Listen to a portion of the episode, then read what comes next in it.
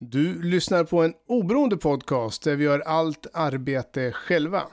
Mm, och det innebär ju förstås då att det inte står någon annan bakom och pekar vart vi ska ta vägen med den här podden utan vi bestämmer helt och hållet själva. Vi vill bara göra en så bra podd som möjligt för lyssnarna. Precis, och skulle du då vilja stödja oss så kan du göra det via Patreon.com. Bara att söka upp The Making of där. Eller via Swish nummer 123 211 7299. Och numret är kopplat då till vårt bolag Blue Zombies. Så står det så, då har ni kommit rätt.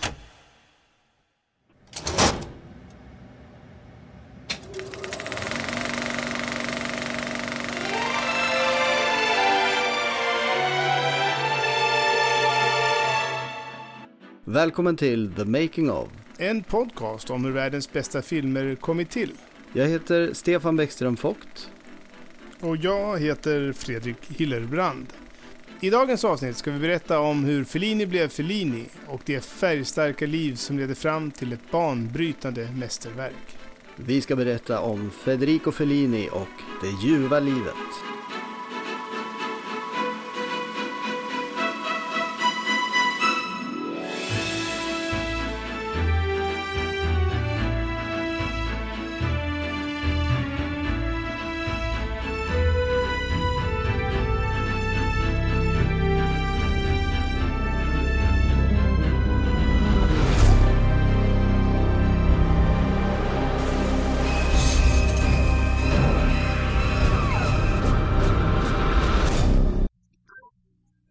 Ja, nu ska vi ge oss in på Fellini som ju är en form för husgud för dig, Stefan. Det kan man säga, absolut, och även för dig. Alltså... Ja, det är faktiskt så ironiskt att det var jag som fick smeknamnet Fellini när jag flyttade till Danmark. Men, eh, men det är ju ändå du som liksom har fört in mig i hans värld mer än någon annan. Och du har ju läst i princip eh, allt och så vidare. Så därför har jag en fråga till dig. För att jag påbörjade en biografi här och där var det en eh, tysk journalist som hade fått till uppgift att intervjua Fellini. Och de hade umgåtts väldigt mycket, han hade varit med på många filminspelningar och så vidare. Men han fick aldrig, liksom, den där intervjun blev aldrig av. Och han sa, men kom igen nu, det börjar liksom bli lite tight med tiden. Nej, vi tar det sen, vi tar det sen, vi tar det sen. Så bara, Okej, okay, men nu börjar de dra i mig här, det är deadline för tidningen och... Men du, du har ju varit tillsammans så mycket med mig, kan inte du bara skriva det? Alltså som en intervju, även om vi inte håller någon intervju då. Sa Fellini till den här journalisten och så sa han så här, ja, okej okay, jag kan ju prova då. Och så skrev han ett utkast och så gav han det till Fellini. Och Fellini tog de där papperna och stoppade dem i fickan. Eh, och så sa han, ja men jag tittar på det sen. Och så kom den där journalisten fram till Fellini och sa, ja, vad tyckte du om det jag skrivit? Ja, de där papperna eller? Ja, precis. Vad tyckte du om den liksom, artikeln som jag skrivit? Du ska ju godkänna den. Jaha, ja, nej, men jag fick inte riktigt läst det där liksom. Men vad, vad, vad står det då? Ja, men, kan du inte bara läsa det istället? Nej, men alltså vad liksom, lever du upp till, bekräftar det myten om Fellini? Ja, tyvärr så gör du ju det. Det är ju liksom, ja, ja, men vad bra, då behöver jag inte läsa det. och, och, då, och då är min fråga till dig egentligen så här.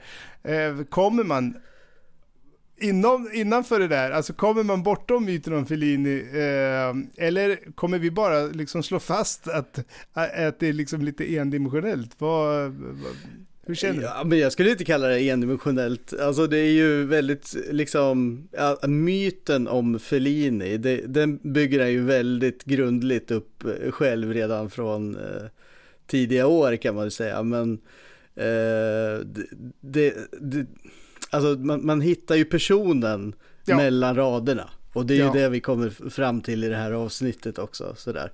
Sen får väl var och en dra sina egna slutsatser. Men en, en liksom eh, diskbänks realistisk skildring av Fellini hade inte gagnat någon tror jag. ja, fast å andra sidan så när man läser om de som umgicks med honom så verkade det ju, alltså, eh, det verkar vara ganska kul diskbänk i alla fall att hänga på. Om man, Absolut, om och jag, alltså, eh, vi ska säga att i det här avsnittet så kommer vi att komma in på många saker som är ganska eh, fantastiska får man väl säga. Eh, ja. Men det finns ju saker som, som eh, ligger framför oss som är helt makalösa. Som eh, man alltså, förstår inte hur, eh, liksom, alltså det finns så mycket som bekräftar att saker, vissa saker har inträffat, men det låter helt osannolikt. nu, nu, nu måste jag nästan förklara mig, men det tänker jag inte göra. Nej. Man får lyssna vidare helt enkelt. På ja, precis. Och det är väl också så att det kräver, ett, eh, det, det kräver lite tid och eh, komma i, att berätta den här historien om både först Fellini då, eh, fram till 1960 och eh, sen framförallt filmen La Dolce Vita. Men det är ju inget vi kommer att eh, eh, hacka av snabbt och ledigt, utan det kommer ta sin tid, är det inte så? Som du sa på mitt bröllop, liksom, att jag tänker det här talet kommer att få ta tid och jag tänker ta mig den tiden det tar. jag tänker fan inte låta dig käka någon middag eller någon efterrätt eller något. kompromissar inte. Nej. Nej. Nej, men det måste vi. Det här, nu sätter vi ner foten, tycker ja. jag. Det låter bra och jag ser väldigt mycket fram emot att höra dig berätta om din eh, stora idol. Detsamma. Så låt oss, låt oss mm. gå igång.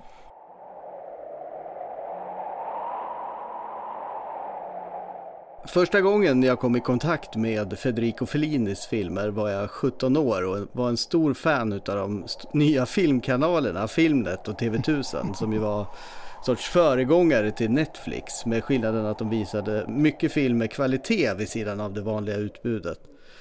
Det var klassiker varvat med europeisk film. Det var omöjligt att hänga med i tempot. Videobandspelaren stod ständigt på räck. Och en av de filmer som de spelade in var Fellinis Kvinnostaden. Nyfiket satte jag mig framför tvn.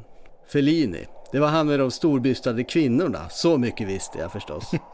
Men det jag kom att uppleva var omkullkastande. Kvinnostaden börjar med en man som sitter på ett tåg och som åker genom den italienska landsbygden.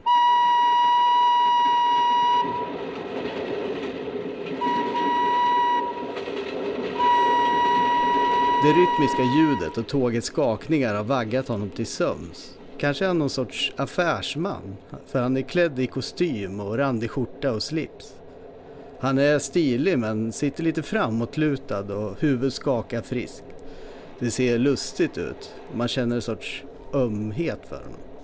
De passerar fält och skogar, det börjar regna. Han vaknar och det första han ser med slokande huvud är en kvinnas vinröda stövlar.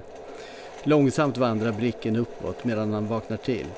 Han sätter på sig sina glasögon och gillar uppenbarligen det han ser. Hon är vacker, inbjudande. Och när en flaska är på väg att skaka ner från det lilla bordet mellan dem fångar de den samtidigt. Deras händer möts.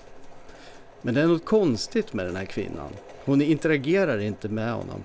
Han flörtar helt uppenbart med henne och hon beter sig nästan som att han inte är där. Kvinnan lämnar kupén och går mot toaletten.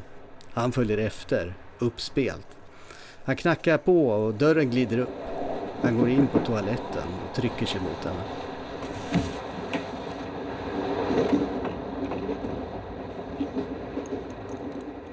Lei è stupenda. Bellissima. Sono emozionato, sa perché? Lei è proprio la donna Il tipo che Dio quanto mi piace. Ah sì? Lei è sposata? No. Ho divorziato due volte, perché? Ah, brava. I suoi mariti non erano abbastanza virili. Lei è molto virile? Ma con una donna come lei sì, in ogni momento. Ora vediamo. Stia calmo, eh? Hon säger vänta lite och låser dörren. Sedan kysser hon honom. Mannen försöker ta saker till nästa steg men tåget skakar för mycket. Det skakar orimligt mycket, som om det var en jordbävning nästan. Ett märkligt rött ljus kommer utifrån. Plötsligt stannar tåget. Che stazione è? Non lo so che stazione. È Fregene, devo scendere, permesso? De är mitt ute i ingenstans. Ett öppet fält som angränsar till en skog. En kvinna tar sin väska och kliver av. Det här är hennes station. Mannen med det märkliga namnet Snaporat är vid det här laget alldeles till sig.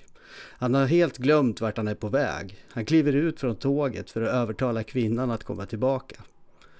Plötsligt börjar tåget röra sig och Snaporas tar några snabba steg för att hinna ombord igen men inser snart att han blir frånåkt. Det gör inget alls, för hans tankar är fortfarande på kvinnan. Han börjar följa henne, men hon är så snabb. Plötsligt är de i en mörk och mystisk skog och hon anländer till sin destination. Ett ställe där bara kvinnor vistas. En kvinnokonferens.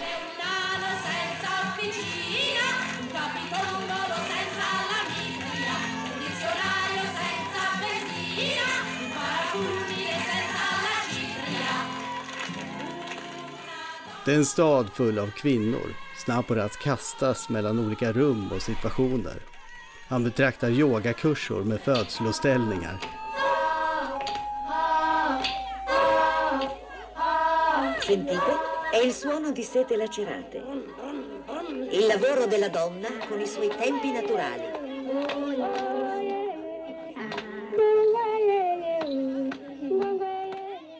Från föredrag om det kvinnliga könsorganet och jättepenisar till satiriska pjäser om kvinnans lopp. Anche senza cuerpo è diavolo tentador, donna eterea, vergine santissima anche del focolar e femmina strumento del piacere. Och självförsvarsövningar mot våldtäktsmän. Hai sbagliato, sbagliate tutte. Mancate in concentrazione. Concentrazione a base di tutto. Incrociati sguardi, radici di naso. Camilla, viene. Det är eldigt, passionerat och argt.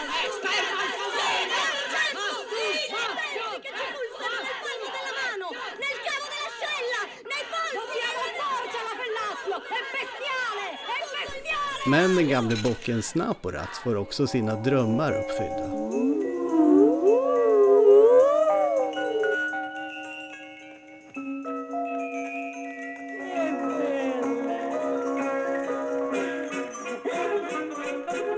Ofta hamnar han i utsatta situationer där han känner sig hotad och jagad av de märkliga varelserna.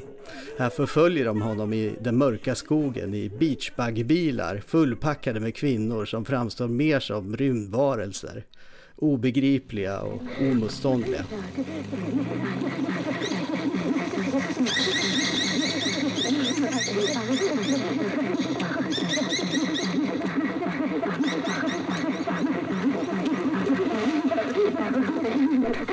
Han söker skydd hos karakaren Dr. Xavier Cassone som fredar sin egendom med två jättelika hundar samtidigt som han dyrkar en staty av sin egen mamma. I Cazzones stora hus hittar Snaporat ett jättelikt rum som ser ut som ett museum. Väggarna är täckta från golv till tak med hundratals skärmar med tillhörande knappar. Och när han trycker på en brytare tänds en bild på en kvinna. Basta. Prego. Basta. Basta. No, no, no. Han tänder en monter till. Och en till. Den gamle Snaporat känner livsgnistan tändas inom honom. Äntligen har han kontroll.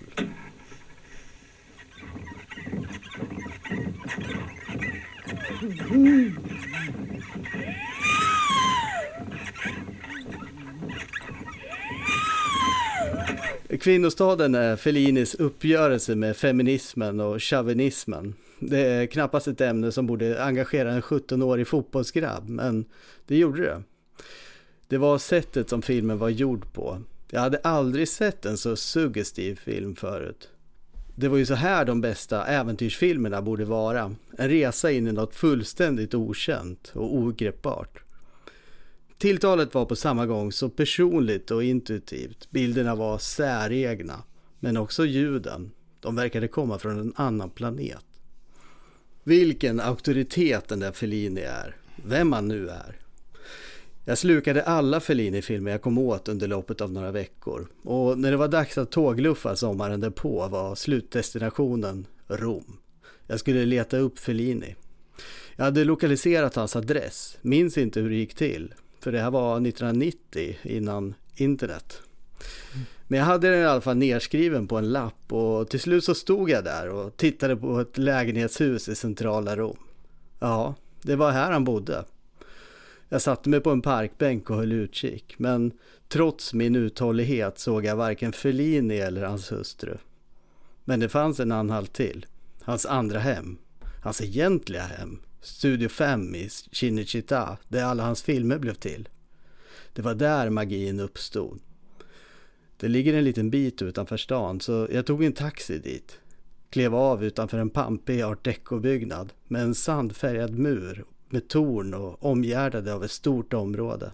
Det rådde ingen tvekan om att detta var inhägnaden för en filmstudio. Vid tornen stod beväpnade vakter, carabinieri. Jag stod och betraktade dem men vågade inte gå fram. För jag hade hört historier om hur våldsamma de kunde vara.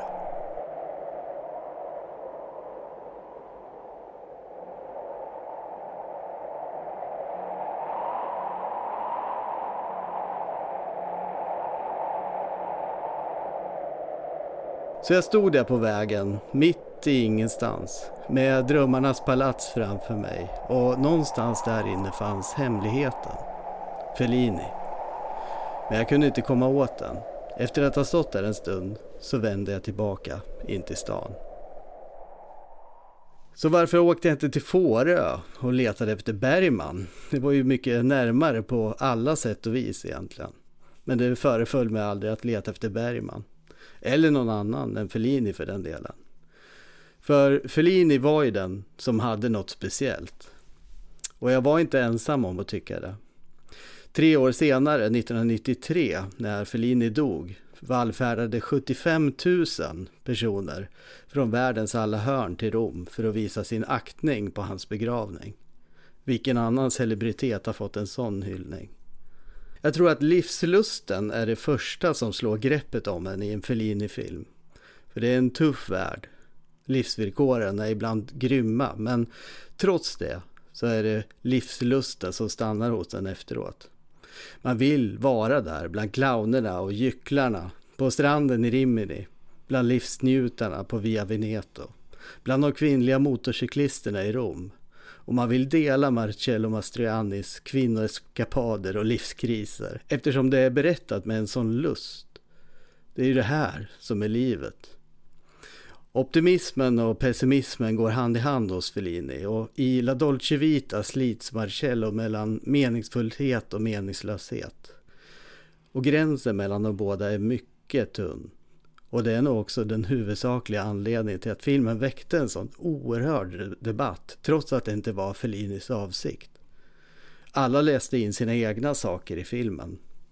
Men det kommer vi till.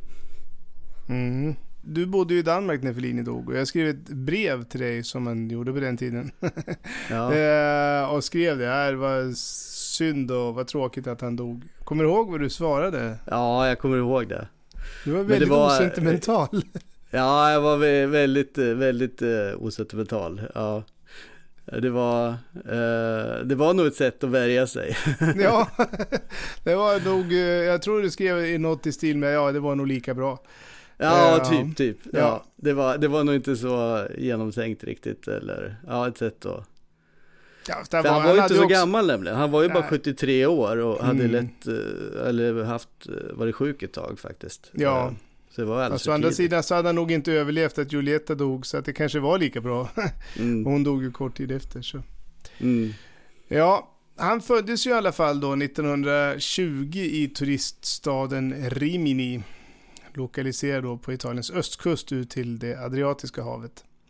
Och han växte upp i ett väldigt tryggt eh, medelklasshem med en pappa som jobbade som handelsresande och mamman var som oftast hemma. Han hade två mindre syskon, en bror och en syster. Och dagarna gick med att sitta och teckna och regissera dockteater och läsa tidningar eller springa omkring på stränderna i Rimini och spana på kvinnor i bikini. Fellini är så starkt förbunden med Rimini att det är en av de första huvudsakliga fakta man får upp när man läser upp på staden eh, av olika hemsidor. Det står, då står det typ antal invånare och turiststad, Adriatiska havet och Flinis hemstad. Mm. Så att eh, det är väldigt, mm. väldigt starkt förbundet med just honom. Och det skulle också även eh, återkomma i några av hans filmer. Och det som jag tycker är väldigt roligt när man läser om Fellini och gör research på honom och så vidare, det är ju att man förknippar honom väldigt mycket med barndomsskildringar och eh, i någon mån nostalgi tror jag. Jag tror att det är många, alltså många har ju sett Amarcord och de är allra största filmerna och då är det ju det man tänker på. Men han hävdar ju själv att det inte finns någonting i hans filmer som är självbiografiskt i princip. Men att han haft en väldigt bra fantasi. Mm. och, eh, eller han, no, ibland säger han det i alla fall. Han har säkert sagt så mycket annat också. Ja, men det, Eh. det är väl det. Det, det är så, så, så spännande att varannan gång så, så säger han sådana saker som upphäver allt annat som han har berättat Ja, om tidigare. precis. Som han står med ett brokig bild liksom. Ja. Men han har i alla fall sagt, jag har hittat på allt. Ja. Eh, det låter ju också roligare än att bara säga att jag mindes liksom. Men Amarcord, ja, vi kommer väl kanske in på vad det betyder. Det finns ju en eh, dokumentär om Fellini som heter I am a born liar. Det var ju ett Ja. citat från honom. Ja. ja, men kan du inte berätta vidare om hans barndom, Stefan?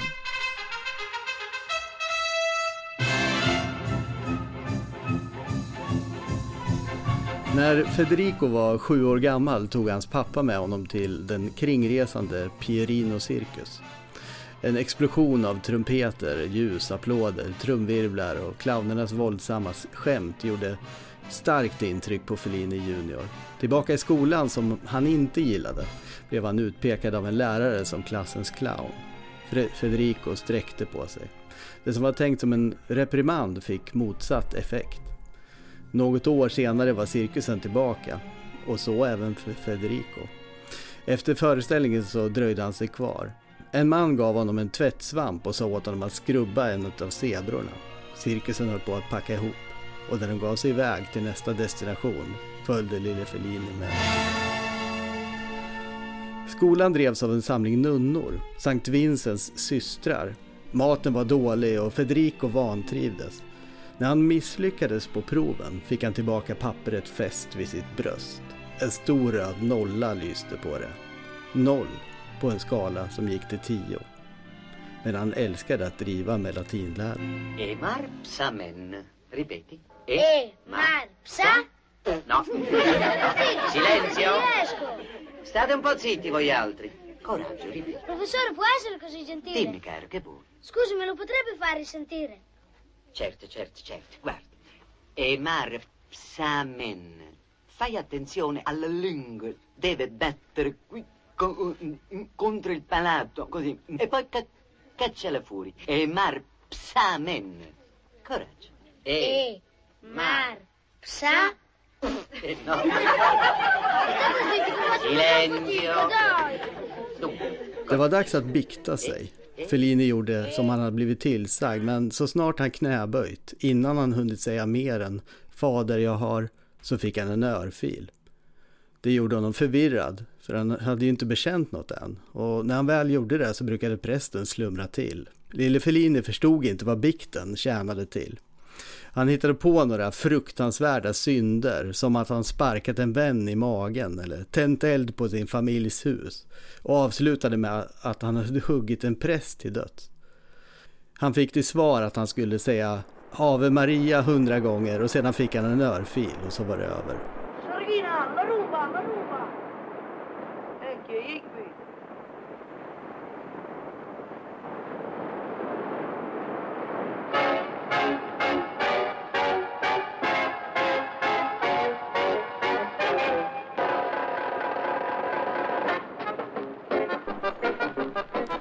Redan som mycket ung drogs Fellini till kvinnor. När han var tio lekte han och hans vänner på stranden. En av fiskebåtarna släppte av en bastant svettdoftande kvinna som bytt sina tjänster mot sardiner.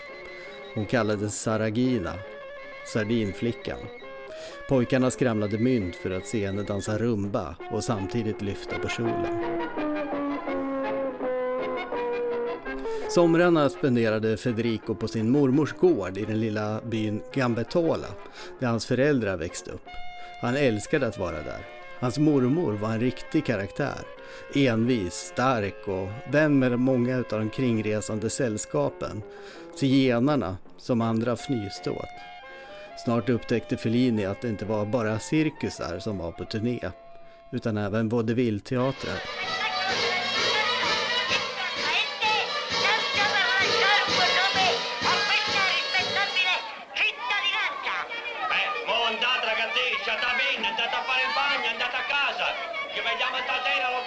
En sommardag promenerade Fellini till stranden där han hoppades få syn på några av de blonda gudinnor som brukade smörja in sina kroppar i lotion och sedan bara ligga där och glittra i sanden. Han hade hittat det perfekta stället där han kunde betrakta dem osedd. När en av kvinnorna plötsligt tog sig upp sprang fram till honom och lyfte honom i starka armar och bar omkring på honom, ackompanjerad av sina vänners skratt. Fellini lyckades ta sig loss och sprang livrädd därifrån. Fascistledaren Benito Mussolini hade haft makten så länge Federico kunde minnas. Det spelade ingen roll för honom. Men det fanns en hemlighet i familjen. Något som hade att göra med hans pappa. Han hade på något sätt kommit på kant med fascisterna och hade blivit slagen under ett förhör. Mussolini var en populär figur och omtyckt av alla som inte kom på kant med honom. Och Federico gjorde precis som alla hans vänner och gick med i en grupp med småfascister. Men av någon anledning så var det alltid något problem med hans uniform. Han hade, hade han inte glömt sin fes så var skorna bruna istället för svarta. Han var ingen vidare fascist, Fellini. I Rimini fanns en kvinna som drog till sig alla mäns blickar. Jag vill ha en moglie come la gradisca. Era sola. Era lì, davanti a me.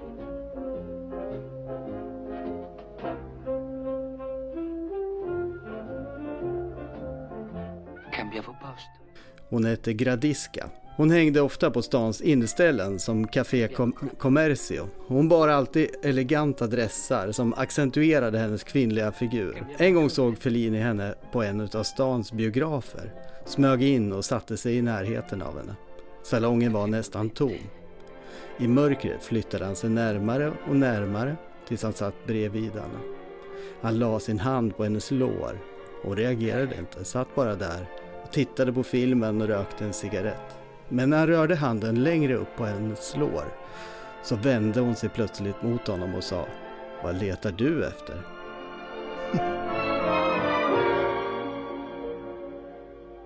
Cosa cerchi? Som Fellini mindes det var hon hårfrisörska. I verkligheten var hon sömmerska. Om Fellini var en av de unga män som svärmade runt henne. Om Fellini var en av de som hon mötte i rotundan till Grand Hotel. Hon minns inte. Men Fellini gjorde det. Hon gjorde nog större intryck på honom än vad han gjorde på henne. För henne var han bara en av de unga männen som drog runt på Riminis gator.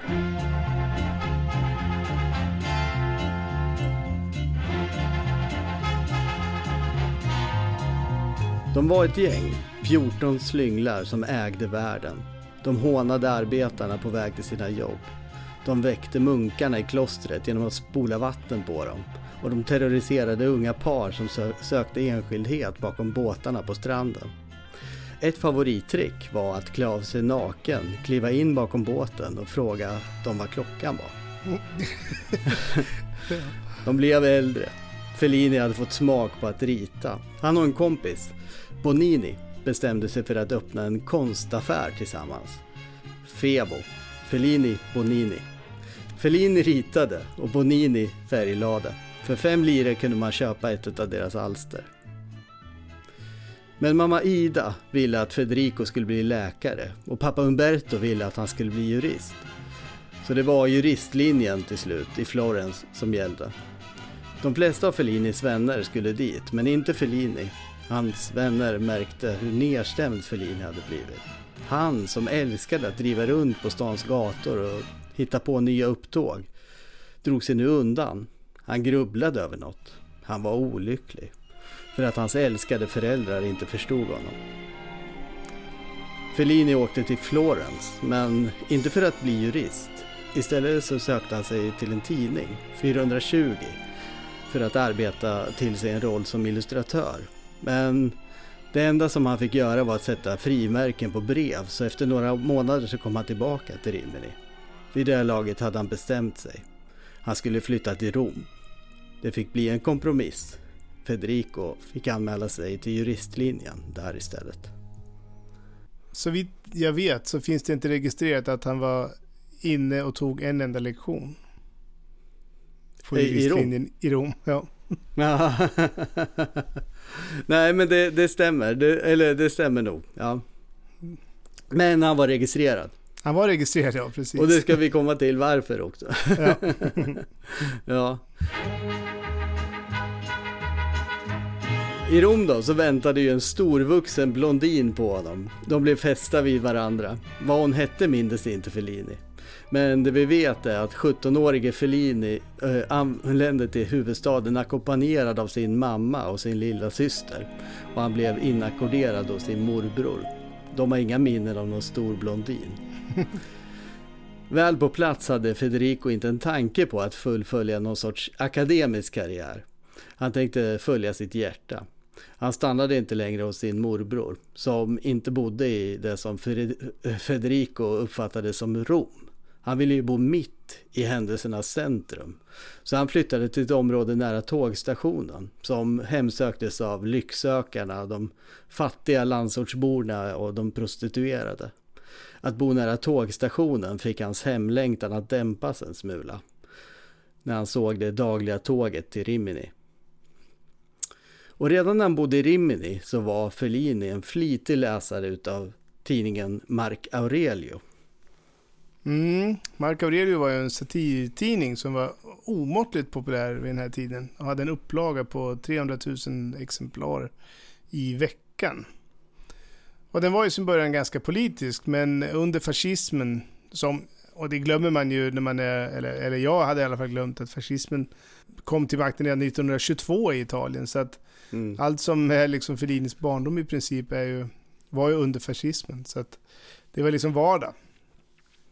Men hur som helst då, så under fascismen så var Marco Aurelio eh, tvungen att bli lite mindre politisk för att överleva. Så att då blev det mer vanlig satir så att säga, som inte var politisk satir. Fascisterna hade nämligen ingen stor mått av självdistans. Som jag förstår det så var den provocerande liksom som franska Charlie Hebdo i början, men fokuserade senare då på historieberättande och lite lättare humor. Mm. Och det var väldigt många som senare skulle hamna i filmindustrin som kom att skriva för Marc Aurelio. Mm. Och en av dem var Ettore Scola. Som på 70-talet kanske var Italiens största regissör efter Fellini. Och han har ju skildrat den här Marco Aurelio-tiden som en, en dramadokumentär där Fellini då medverkar också. Och Scola var ju liksom generationen yngre. Jag vet inte hur många mm. år yngre, men alltså han var, säg 7-8 år liksom.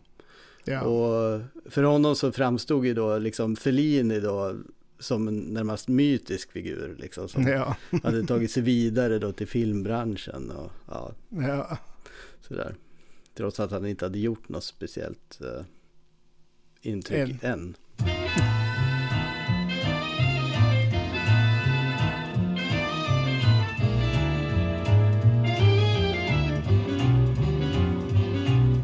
Hemma i Rimini så fick eh, Fellini tag på det senaste numret av Marc Aurelio i tidningsståndet vid tågstationen. Men eh, vid ett tillfälle så letade han efter det några kilometer söder om stan för det var slut vid stationen.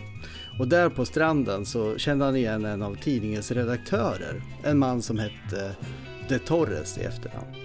Och Fellini älskade hans karikatyrer och han tog sig mod, mod till att låta honom veta det. Naturligtvis så kunde han också dra fram då en av sina egna skisser ur fickan och visade den för De Torres. Och han sa till Fellini då att han kunde söka upp honom om han skulle ha vägarna förbi i Rom. Och nu hade den tiden kommit. Marcarelli var ju precis som du sa eh, inte vilken tidning som helst. Det här var ju liksom centrum. Det var ju här det hände. De mest talangfulla serietecknarna i Italien samlades till ett stort och bullrigt redaktionsmöte där folk hissade och dissade varandras idéer. Och där fanns också de riktiga konstnärerna som satt tysta och ritade och inget fick avbryta deras kreativitet. De Torres sa, låt oss se vad det går för Fellini. Jag ger dig en titel. Välkommen regn. De Torres gick iväg och kom tillbaka 40 minuter senare. Den är klar, sa Fellini. Vad är klart? Välkommen regn. De Torres ryckte på axlarna och försvann med pappret som Fellini gett honom. Det var det sista Fellini såg av sitt verk, trodde han. Några dagar senare så dök seriestrippen upp i ett nummer av Mark Aurelio under titeln Välkommen snö.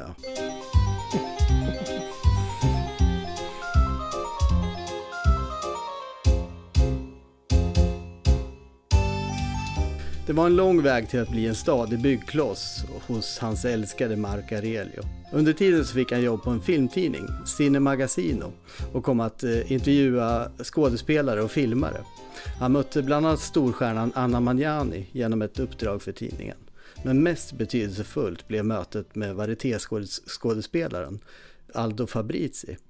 Han hade ingen aning om det när det inträffade, men just det här mötet skulle faktiskt förändra hans liv. Fellini mötte Fabrizi igen på en bar och de kände igen varandra och började prata. De blev goda vänner. Så goda att när Fabrizi väl blev pappa så blev Fellini gudfar.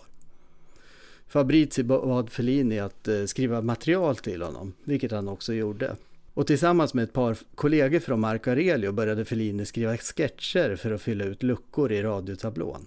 Det ledde vidare till att skriva material för Erminio Macario, en italiensk motsvarighet till Charlie Chaplin eller Bröderna Marx. Eller Nils Poppe i en svensk kontext. Mm. Och Fellini hade ännu inte fyllt 20 innan han fick sin första screen credit som manusförfattare. Ta det Tarantino. Mm.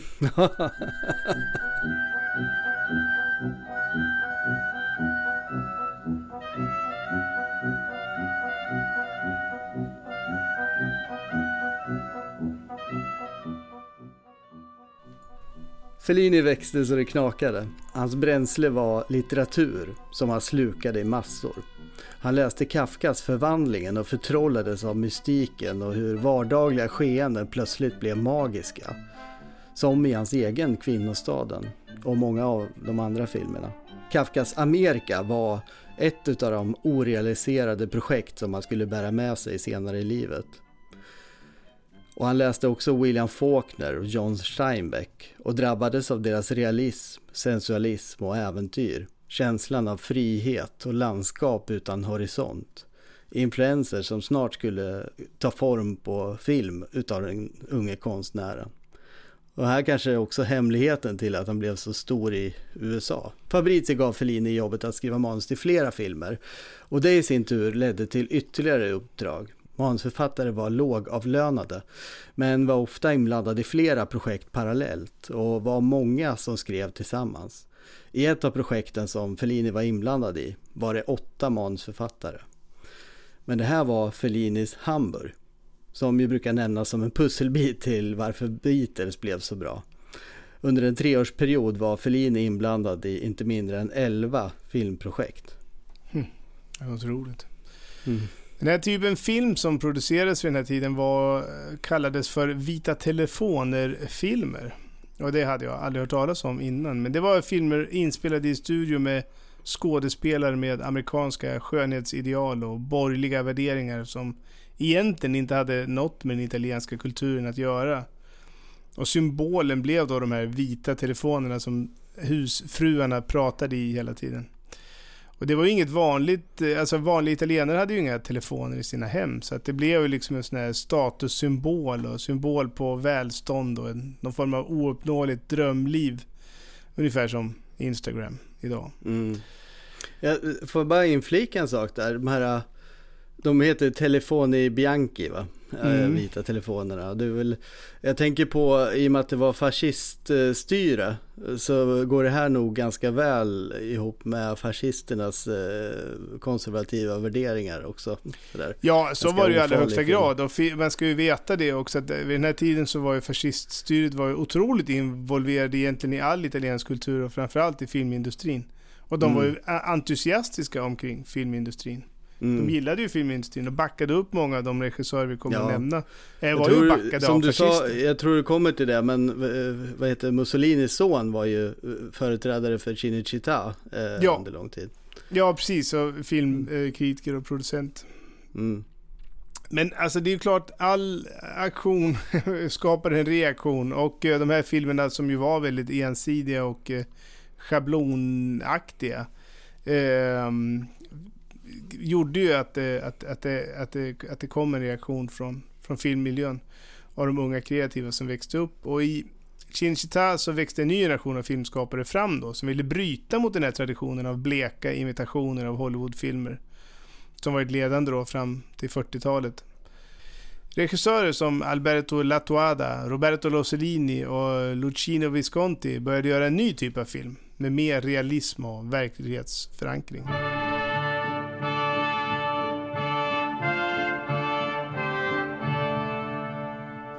När Hitler marscherade mot eh, Polen i september 1939 så slog det inte Fellini att Italien skulle kunna bli inblandat i kriget.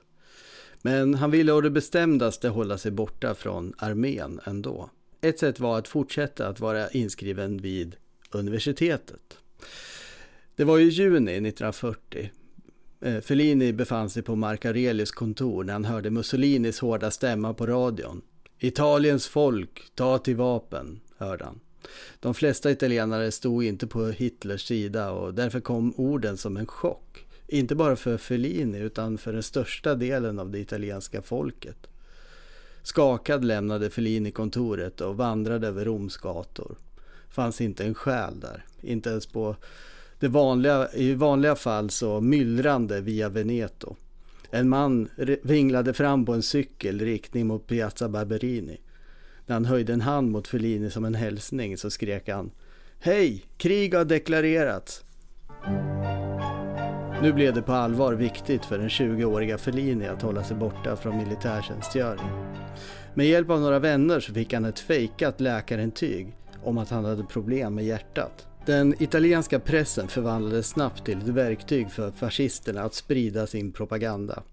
Och även om Marco Aurelio framstod som yttrandefrihetens sista anhalt så blev också den påverkad av fascisternas mycket handgripliga påtryckningar.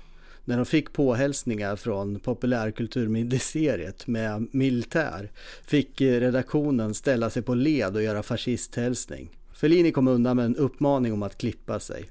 Men mycket snart så fick de i uppdrag att framställa Churchill som schizofren, brittiska kvinnor som nymfomaner, deras män som alkoholister och deras avkomma som degenererad. Mark Aurelius stolthet fick sig en rejäl törn. Fellinis läkarintyg höll honom borta från militären i två år, men 1943 blev han inkallad för ytterligare undersökning. När han kom till sjukhuset så höll han utkik efter någon av sina vänner men hittade bara en. Men han märkte på honom att något var fel. Vännen vek undan med blicken. Så såg Fellini att tyska officerare bevakade provtagningarna. Så Fellini förklarades frisk och skulle nu ut i krig. Han skulle inställa sig vid ett regemente i Puglia utanför Rom som sedan skulle dra i strid till Grekland.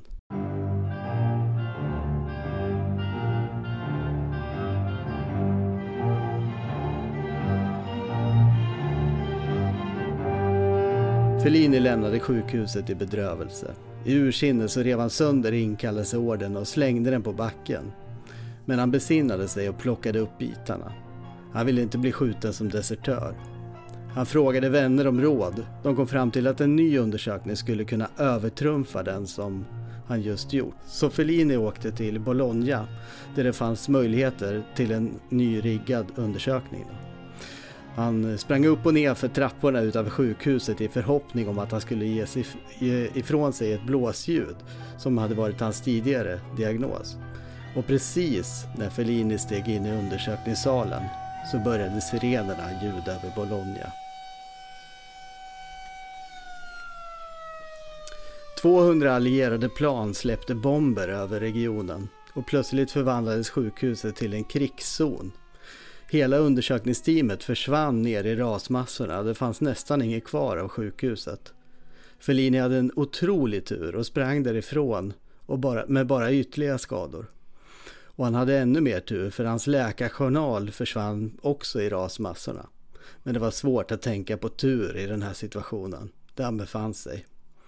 Plötsligt så sprang han omkring ensam ute på landsbygden med himlen full av bombplan över sig. Folk skrek, kyrkklockorna ringde och det låg en odör av död i luften. Tillbaka i Rom fortsatte Fellini att skriva sketcher för radion. Sketcherna handlade om ett gift radarpar som hette Chico och Palina. I rollen som Palina fanns det en ung student vid Roms universitet som spelade experimentteater vid sidan av studierna. Då det var radio hade Fellini inte sett hennes ansikte. Men han fick syn på det när han bläddrade igenom en radiotidning. Alltså en tidning med nyheter och reportage kring radion som var stor då. Han var fascinerad av skådespelaren som, som spelade Palina. Och han tog mod till sig och ringde henne och sa Hej, jag heter Fellini och är uttråkad på livet. Men innan jag dör så vill jag se hur min hjältinna ser ut. Den 23-åriga Fellini mötte den ett år yngre Giulietta Massina i juni 1943.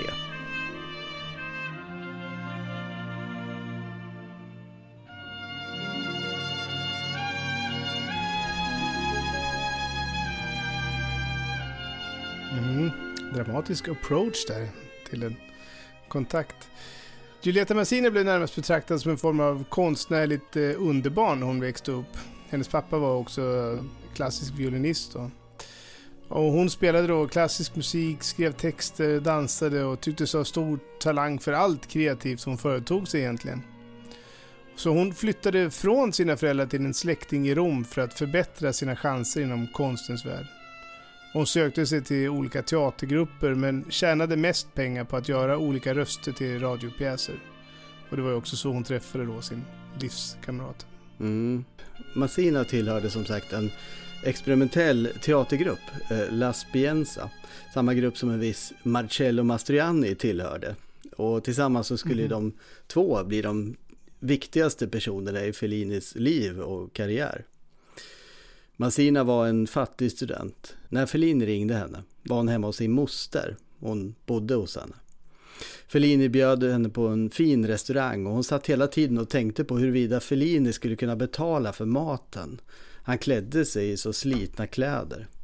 Mest av allt så tänkte hon på byxorna som hängde ner för hans långa tunna kropp och slutade vid anklarna. De var för korta.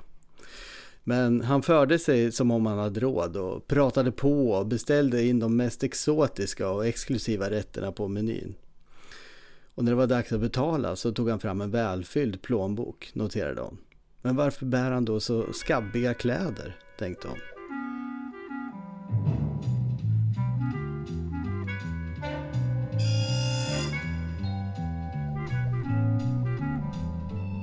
Fellini och Giulietta blev förälskade.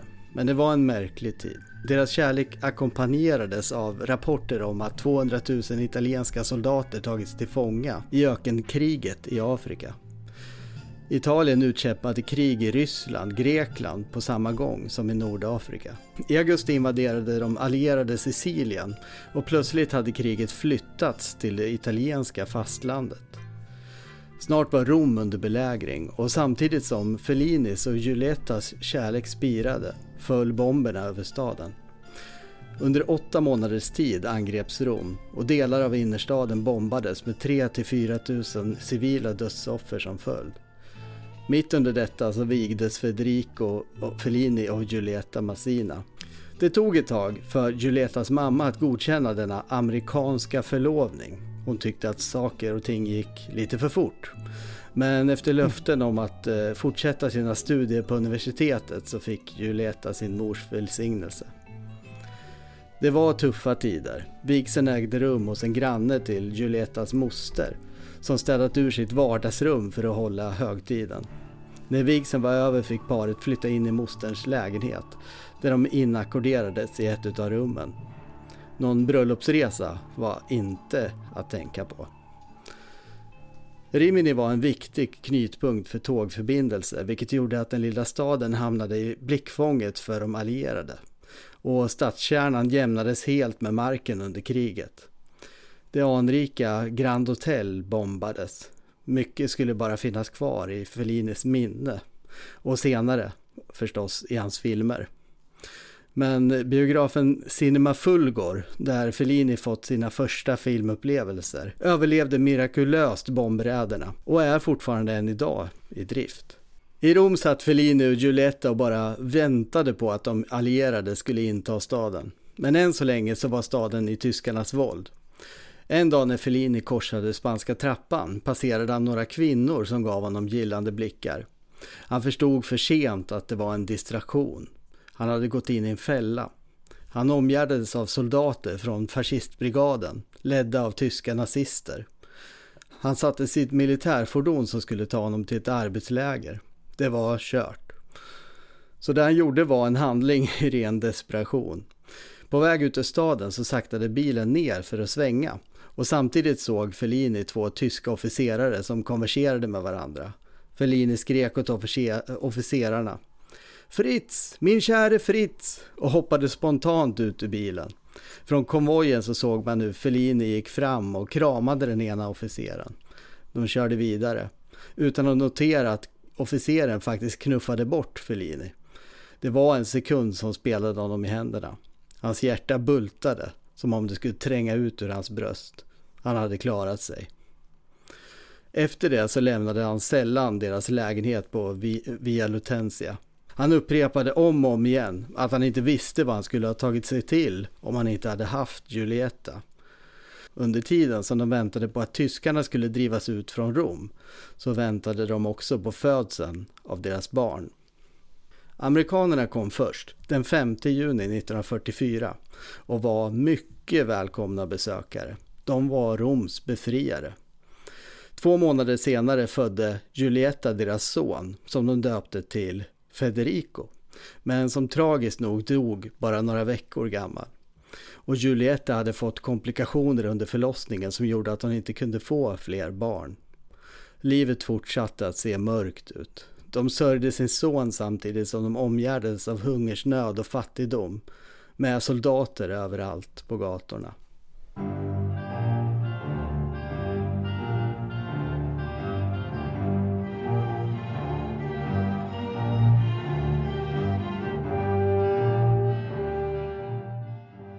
Det har spekulerats mycket om hur denna förlust förstås påverkade Fellinis och Giuliettas skapande och, och, deras relation.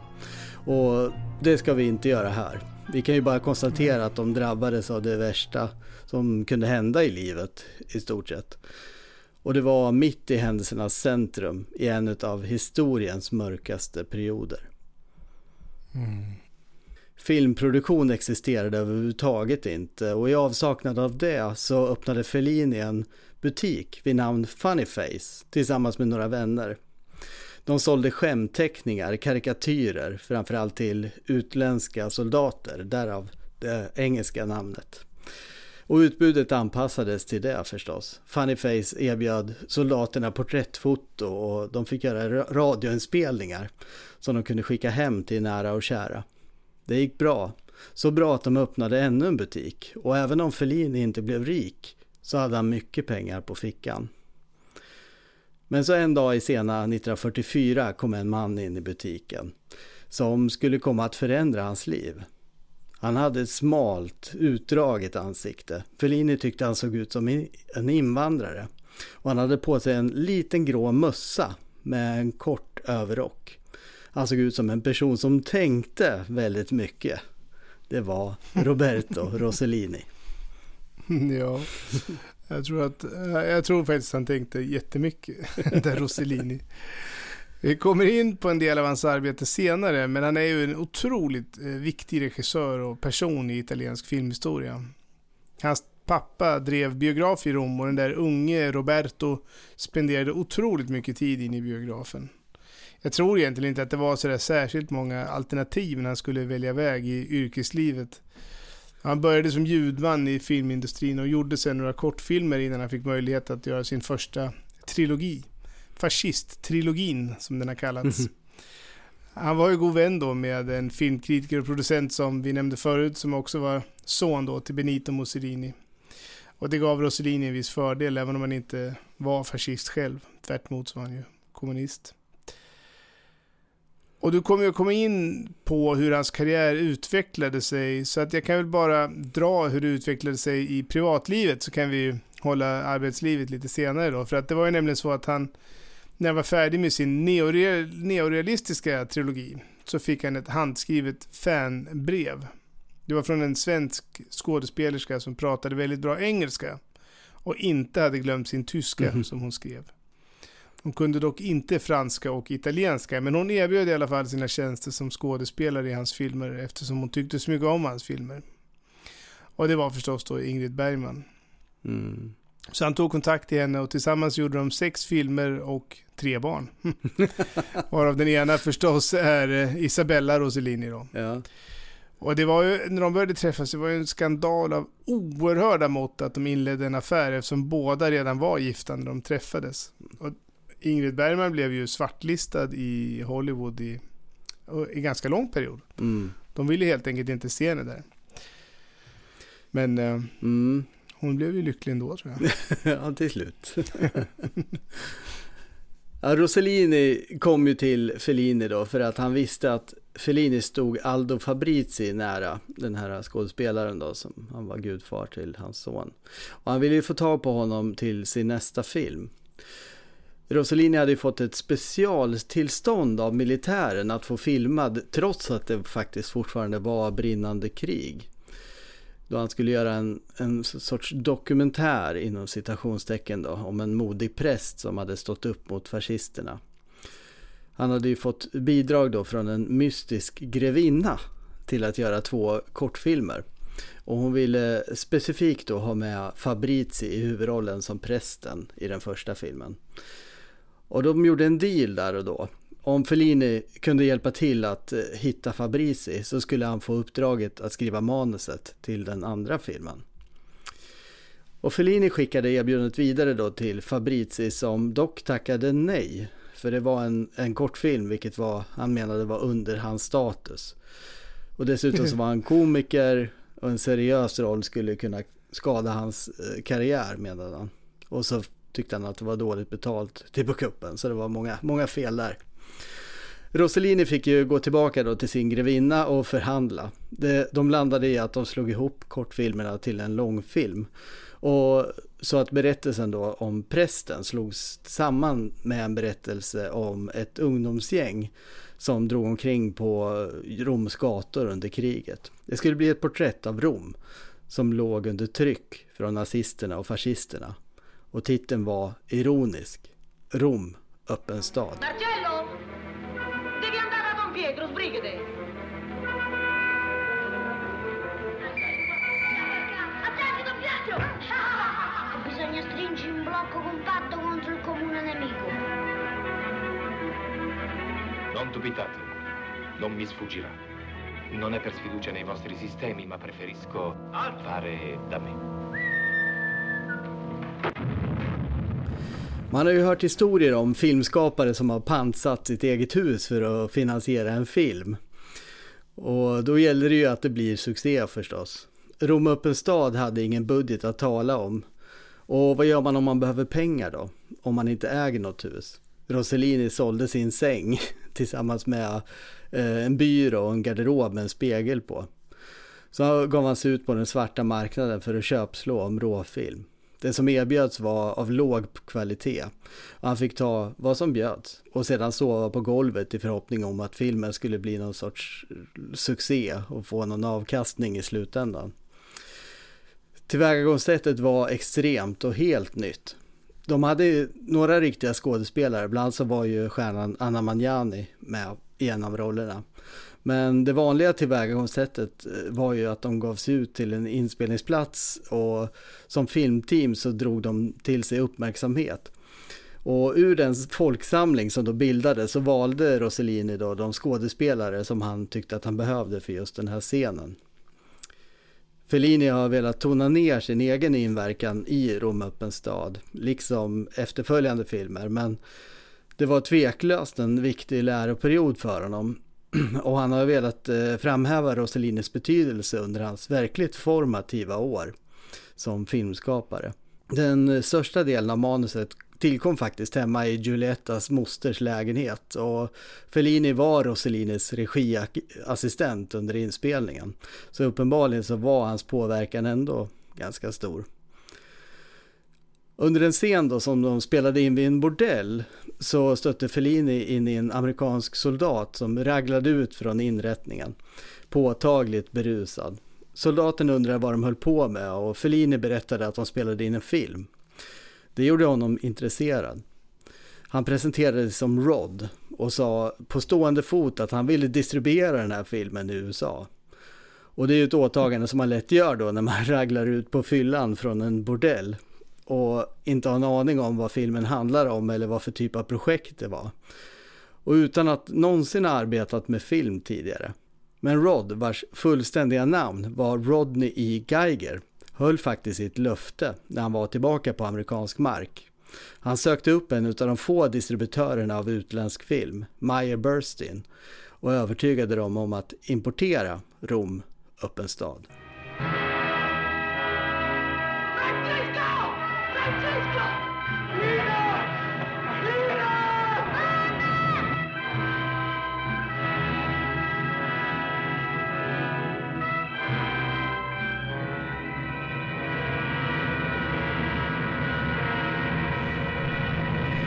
Rom öppen stad blev en riktig smash hit i USA. I sex år så hade hela världens blickar riktats mot det krigshärjade Europa. Och nu kom det en första dramatiserad rapport ifrån verkligheten. Men dess politiska betydelse som upphovsmännen och senare kritiker velat framhäva hamnade i skuggan av det som en recensent uttryckte att den var sexigare än Hollywood någonsin vågat vara. Det amerikanska intresset gjorde också att filmen uppmärksammades i Italien och fortsatte ut i övriga Europa. Till slut så hade filmen, som i stort sett inte hade någon budget alls, spelat in en miljon dollar. Idag omräknat till kronor ungefär 170 miljoner. Oh, får man säga, ganska bra succé. ja, tur att han sov på köksgolvet där i en kort period för att finansiera det här. Ja, Rom öppen stad är ju startskottet på den italienska neorealismen. Och vi har pratat om såväl franska nya vågen och dogma i den här podden tidigare, men jag tror faktiskt inte ens att vi har nämnt neorealismen en enda gång. Nej, det kan nog stämma. Jag tror, jag vet inte riktigt när det skulle vara. Nej. Men det är ju ett förhållningssätt till filmkonsten som går ut på att flytta ut från filmstudion och de här vita telefoner eh, historierna då och filma vad som sker i verkligheten. Och väldigt gärna då med amatörer i rollerna för att få den här autenticiteten och äktheten. Och det är en väldigt politisk rörelse som tar aktiv ställning för samhällets svaga. Nästan alla neorealistiska filmer utspelar sig på gatan bland fattiga människor. Och det som är speciellt med Rom öppen stad är ju att den kom under den tyska ockupationen och öppet tog ställning mot ockupationen. Mm. Det var ju helt nytt att på det sättet i fiktionen dokumentera något som hände här och nu. Det var ju inte en konstruktion, en världsfrånvänd fantasi och hade ju inte ett kommersiellt mål. Men det var bara en historia som behövde berättas helt enkelt. Mm. Och neorealismen var inte en försonande rörelse utan de hade ju sina dogmer och sina regler och antingen var man med dem eller så var man emot dem. Och det hade ju också en politisk dagordning. Det var ju ofta barn i bärande roller och eh, ofta som betraktare och med barnets oskyldiga blick titta på allt elände i världen. Och i den kanske mest kända neorealistiska filmen idag i alla fall, Cykeltjuven, så är det ju en liten pojke mm. som försöker hjälpa sin fattiga pappa att återfinna hans cykel så han kan tjäna pengar och få ett jobb. Men neorealismen inspirerade ju i hög grad den franska nya vågen, men den franska nya vågen är ju någon form av balans mellan en brygga mellan Hollywood och, och neorealismen kan man väl säga. Mm. ja, det är en ganska bra beskrivning. Och mycket mer plottdrivet ju. Det här var ju liksom små, täta, simpla historier eh, som eh, ja, tog plats i verkligheten och ofta som sagt med de representanter som historien handlade om är ofta med i filmen själva så att säga. Det finns ju sådana eh, extremer inom neorealismen också som liksom blir nästan absurt liksom, för det var ju också en, en form av filmstil liksom, ett sätt att förhålla sig. Så att det skulle ju vara realistisk, eh, och man pratar ju om den här, den här långa tagningen som också Fellini kom att använda sig av eh, många sätt. Men, men det var ju liksom att en lång tagning var, eh, liksom hade en högre grad av realism ja, i sig. Än äkta, en, ett, ja. en klippt liksom, Ja. scen. Och det finns ju vissa scener som är extremt, alltså man, de glömde bort liksom att göra det lite underhållande också, kan jag tycka. ja, ja nej, men det var ju inte, det var ju som sagt inte alls en försonande eh, inriktning med den filmen. Det här var, det var ju, du var liksom kommunist och ateist, det är de nästan hela bunten liksom. Ja. Ehm, och var du inte aktiv inom båda, då kunde du i princip inte liksom godkännas som eh, inom neorealismen. Vilket eh, liksom de här Fellini och Pasolini och vissa fick ju stora problem med de här intellektuella gubbarna som... Ja, precis, precis. Det de började ju bestämde verkligen med hjärta och sen blev det ju liksom mer och mer hjärna så som liksom rörelsen, eh, som tiden gick och det kom andra typer av filmer och så vidare. Men deras betydelse på filmindustrin och på filmhistorien kan man ju inte överdriva. När de här filmerna Nej. kom så var det ju något helt, helt nytt. Mm. Ja, verkligen. Ja, Rod Geiger då, den här amerikanen, han ville ju rida vidare då på succén med Rom öppen stad. Och han bad eh, Rossellini då om att lista de amerikanska stjärnor som han ville ha med i sin nästa film. Så han listade namn som Gregory Peck och Lana Turner, alltså Hollywoods toppskikt kan man säga. Geiger gav tummen upp och berättade att han hade chartrat ett fartyg som skulle anlända till Neapel tillsammans med sina stjärnor om ett par veckor. När han kom till eh, hamnen då så hade han med sig fyra amerikanska stjärnor som ingen hade hört talas om. De eh, fick medverka i Rossellinis film ändå då, Paisa heter den, som eh, Fellini också skrev manus till. Och paisa var ordet för kompis. Hej paisan var det amerikanerna tilltalade italienarna med under kriget. Så det var en berättelse om amerikaner och italienare, tydligt utformad för en amerikansk marknad. Och trots att de var utan stora amerikanska namn så var detta det mest högprofilerade och högbudgeterade projekt som fanns i Italien vid den här tiden. Mm. Och det var ju den här miljön då som Fellini växte fram i. Och alla gillade Fellini. Han hade en attraktiv personlighet. Han gillade människor och imponerade med sin intelligens. Även om han hade en antiintellektuell framtoning. Och han gjorde karikatyrer och gillade skämta med folk. Dock så fanns det en tydlig kommunistisk elit som omgärdade neorealismen som vi pratade om då. Mm. Och vissa menade att den där Fellini saknade ideal och var inte intellektuell nog för deras smak.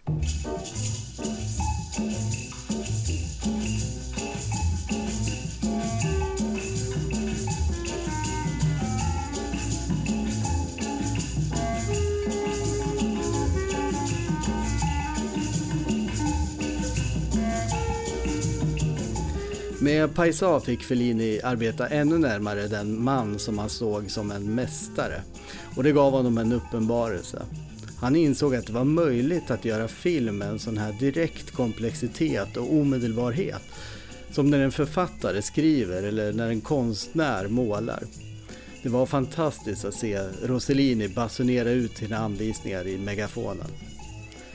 Och det var en sak till med inspelningen utav Paisa som skulle sätta spår i Fellini.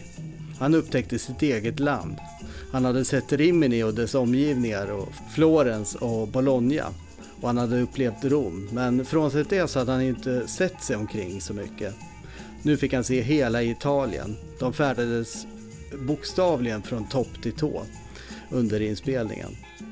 De hade blivit det här kringresande cirkussällskapet eller varietéteatern på turné i Italien.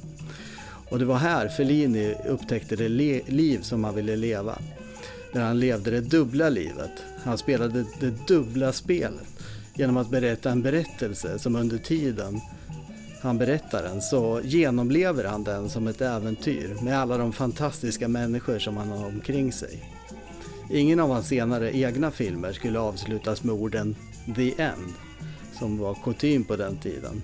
Men han skulle också så småningom träda in i sina egna berättelser.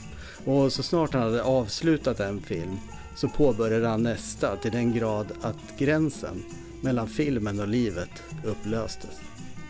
Det var kanske där också som gör det lite svårt att veta vad som egentligen har hänt. det är inte så Ja. intressant. Det är bara, så länge man berättar en historia som är intressant så är det inte så viktigt hur det egentligen gick till. Liksom. Nej.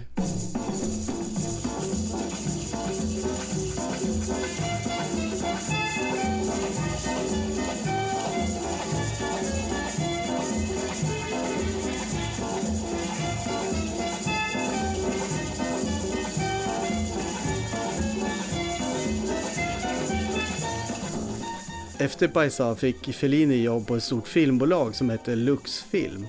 Och här träffade Fellini en annan manusförfattare som hette Tullio Pinelli som skulle komma att bli en nära bundsförvant de närmaste 20 åren. Trots att Pinelli var 12 år äldre och betydligt mer erfaren än Fellini ansåg Pinelli att den 26-årige Fellini var ett geni nästan från första stunden de träffades. Vart han än tog vägen så var han medelpunkten med sin charm och karisma. Och där och då så arbetade de på Alberto Latuadas senaste film. Och Latuada var ju då en av Italiens största regissörer. Ja, och för mig var han inte något stort namn och jag är osäker på faktiskt om jag har sett några av hans filmer eh, överhuvudtaget. Men eh, Alberto eh, Latuada var en av föregångsmännen då till neorealismen och skildrade ofta socialt utstötta fattiga människor och deras enkla liv. Och han var oerhört politisk. Han blev minsann inte beskylld för att vara liksom utan hållningar och inte särskilt intellektuell. Glödande antifascist då som klart. Han fick sitt genombrott ungefär samtidigt som fascismen föll då. Eh, ja, 44 var det som fascismen föll och Rom blev befriat. Och fortsatte en bit in på 80-talet faktiskt att göra film. Men mot slutet av sin karriär så valde han att utforska mer erotiska teman och fick ett något mer polemiskt förhållande skulle man kunna säga till sin publik. Många tyckte han bara blev en gammal gris som ville filma vackra kvinnor liksom. Men, men i början av karriären så var det ganska små, enkla berättelser som tog tag i en slags historia som inte många andra sysslade med på den här tiden. Och det var väl det som var nyckeln till neorealismens stora genombrott. Det kändes nytt, ärligt, spännande och framförallt kanske angeläget.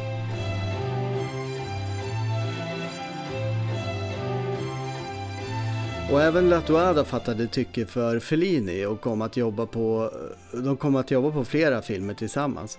Latuada lärde även känna Giulietta Massina och såg att Fellini och, och Massina var fattiga. Och delvis av medlidande så gav han Giulietta en liten men betydelsefull roll i filmen som i original heter Senza Pietà. Eh, och som kan översättas med eh, utan medlidande kan man säga då. Eh, den svenska titeln vill vi inte nämna i den här podden för den var väldigt nedsättande. Hur som helst så fick eh, Senza Pietà ett eh, varmt välkomnande på filmfestivalen i Venedig 1946 och Giulietta Massina fick ta emot Silverbandet för sin skådespelarinsats. Och Silverbandet är ju då ett italienskt filmpris som ger, ges till insatser inom italiensk film. Och ska liksom inte blandas ihop med Guldlejonet och Silverlejonet då, som är, är liksom Venedigfestivalens eh, stora priser. Mm. Men eh, eh, Eh, och Silverbandet delas numera ut på filmfestivalen i Taormina på Sicilien.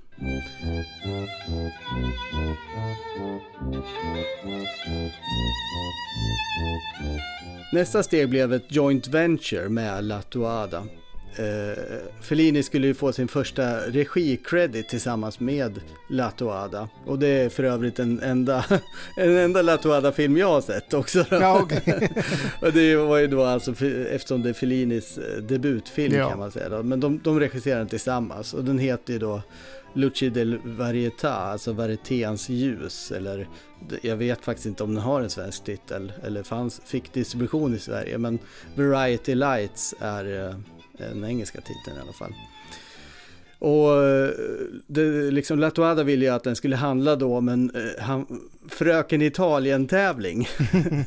Eh, och dock liksom så tog ju då Fellini och Pinelli idén vidare, liksom längre åt deras håll, när de skrev historien om en ung skönhetsdrottning då som drömmer om en karriär som skådespelerska och, och så följer de med ett sånt här kringresande varietésällskap då i liksom med massa tredje klassens skådespelare. Mm. Så det fanns ju en, någon form av ironisk twist i, i storyn. Och hon uppvaktas ju då av en komiker då med en form av grandios uppfattning om sig själv. Och så spelar hon ju teater på landsbygden inför en helt blasé publik. ja. Vilket det skulle vara ett tema som återkom. Det får man säga.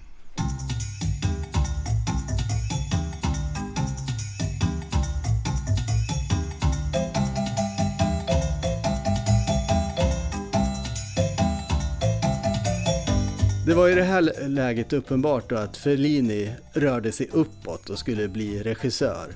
Även om det märkligt nog inte faktiskt var ett val som han själv gjorde. Michelangelo Antonioni var ju 12 år äldre än Fellini och han skulle senare bli en av italiensk films riktiga storheter får man säga. Och efter kriget så gjorde han en serie av dokumentärfilmer. Och en av dem behandlade ämnet fotoromansi, alltså fotoromanser. Mm. Det är en slags serietidning det där, Fotoromanzi, som, eh, där man använder foton då istället för teckningar. Och det var alltså mm. fotografier som försetts med, ja, med pratbubblor helt enkelt. Och det var en företeelse som blev omåttligt populär då efter kriget och fotoromansi kom ut inte bara i tidningsformat utan även som böcker. Alltså hela, ja, noveller var det väl då, inte romaner kanske. men, eh, men vissa av modellerna som var med i de här stripparna då fick en sån otrolig stjärnstatus. Det är lite som radioskådespelarna som du pratade om innan. Och det var framförallt stort i latinska länder och i Spanien så kallar man det fotonovella. Du vet på mm. de här såporna på tv heter ju telenovella. Och det här var ju då fotonovellas. Eh, så att det, det går i den just det, traditionen just det. så att ja. säga. Eller alltså telenovellas ja. går i den här traditionen kan man säga. Och olika tidningar hade, eh, hade olika genrer så att det fanns liksom, man kunde få massa olika slags eh, fotoromansi. Och det fanns både då romantiska framställningar, crime-historier, humorstrippar och mjukporr. I Sverige så utkom magasinet Hjälp på 60-talet. Och det var en satirisk eh, humortidning, en, en systertidning då till Mad. Kommer du ihåg Mad?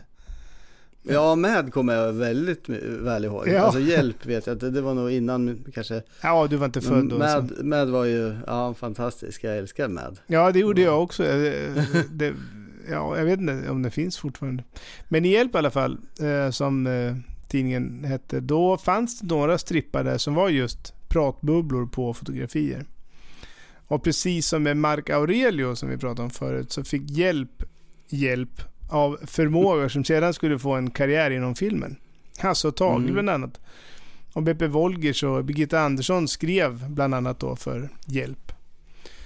Till och med John Lennon eh, finns krediterad mm. som författare till Hjälp. Nej, men det, det var det jag, jag tror jag nämnde det i något tidigare avsnitt. Just den här kopplingen mellan eh, serietidningar och film. Ju, här har vi ju en koppling.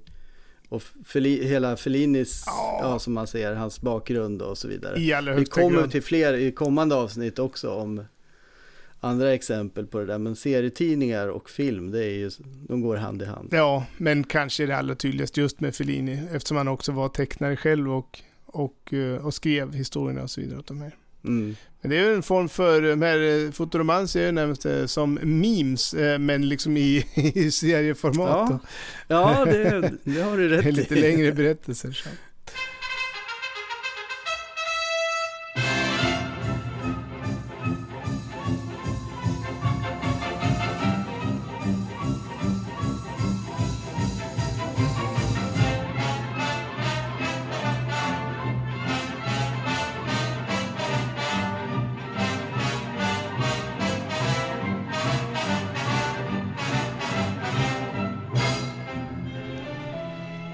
Dokumentären väckte uppseende och vann även den Silverbandet i Venedig. Och nu kom idén upp om att göra en spelfilm om det hela. Producenten Carlo Ponti, som senare skulle stå bakom många stora italienska klassiker, tog sig an eh, projektet och anlitade då Fellini och Pinelli till att skriva manus. Titeln skulle vara Lo Schiecco Blanco, den vita shejken. Lo Schiecco Bianco. Fai mia pica di coscera mia sarai con me vicino oh bonjour. La la la la. Buongiorno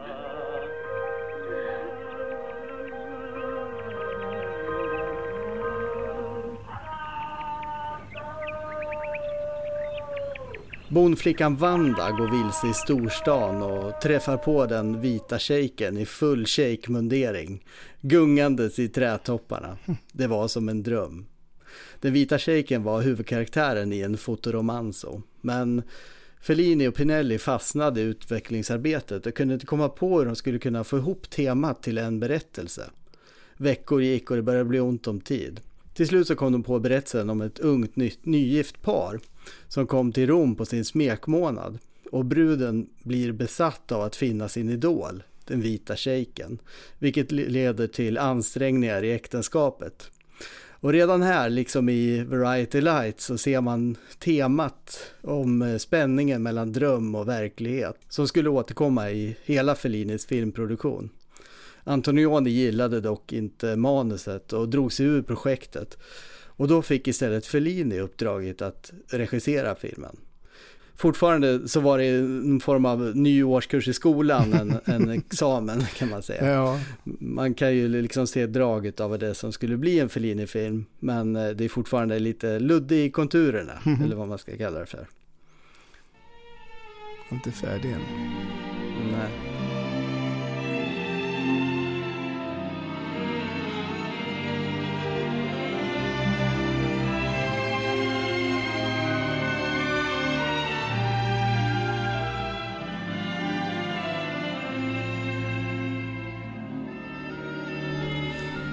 Och jag tänker nu att det är läge att träffa våran vän Fellini för första gången. Det blir ju mer utav den varan i nästa avsnitt, men tyvärr så är ju de flesta eh, intervjuer med honom på italienska. Men här hör vi honom i alla fall beskriva eh, hur det var för honom att regissera för första gången. I started my, my movies career like a screenplay writer, and I never thought that I can become a movies director. All every time that I went in a studio just to, to, to rewrite a dialogue, I was always very disturbing and, and very very hard, very far from the truth, you know. I I I, I watched to, to the director like to some some very strange animal, you know. I never never I could not think that I can become so full of authority and to say to beautiful women do that and do that without to be involved, without to be to have the desire to, to go away with them. And uh, I, ne- I am timid after all, and I, I didn't think that I can give my authority to to hundred people. Do that, do this. Han var helt borta första dagen han kom till inspelningsplatsen i rollen som regissör. De skulle spela in på vattnet och Fellini ställdes inför samma upptäckt som Spielberg senare skulle göra med Hajen. Att eh, vatten adderar en svårighetsgrad. Då det rör sig ju hela tiden och kameran rör sig med vågorna. Så han ställdes direkt inför oväntade problem. Men där ute på havet så hände något oväntat. So I saw in the sun and on the water my destiny, you know. The two boats, the actors, the all, every, everybody was just a little shade of the. And in that moment, I don't know what happened exactly. I know that after three minutes, I was on the boat, and I start to scream and they say, "Why you have not ready that?" And start to give orders, and. Uh, I felt like I have always done that job, you know, always. Fellini hoppades att få visa den vita shejken i Cannes, men andelen italienska filmer där var redan full. Så istället så visades den i Venedig, men mottagandet blev ganska svalt och bristen på entusiasm präglade även den italienska premiären. Distributören av filmen gick i konkurs, vilket aldrig är ett gott tecken förstås. Kanske var den före sin tid, föreslog Fellini. För det var en ironisk film och italienare gillar inte ironi. Men oavsett vilket så hade Fellini stärkt sina aktier i den italienska filmvärlden. Och utan att veta, det, veta om det så hade han format ett team omkring sig som skulle hålla ihop under en lång tid framöver. Det var Tullio Pinelli, alltså manusförfattaren, och den andra författarkollegan då, Ennio Flaiano. Det var Otello Martelli som hans, skulle vara hans fotograf senare då eh, och göra det fantastiska fotot i La Dolce Vita. Och inte minst då var det Giulietta Massina och hans kompositör Nino Rota. Mm, vår gamle vän Nino Rota har vi nämnt ett flertal gånger, men framförallt då i avsnitten om Gudfadern. Men som vi även sa då, så var det ju här, med Fellinis som hans arbete verkligen skulle ta form.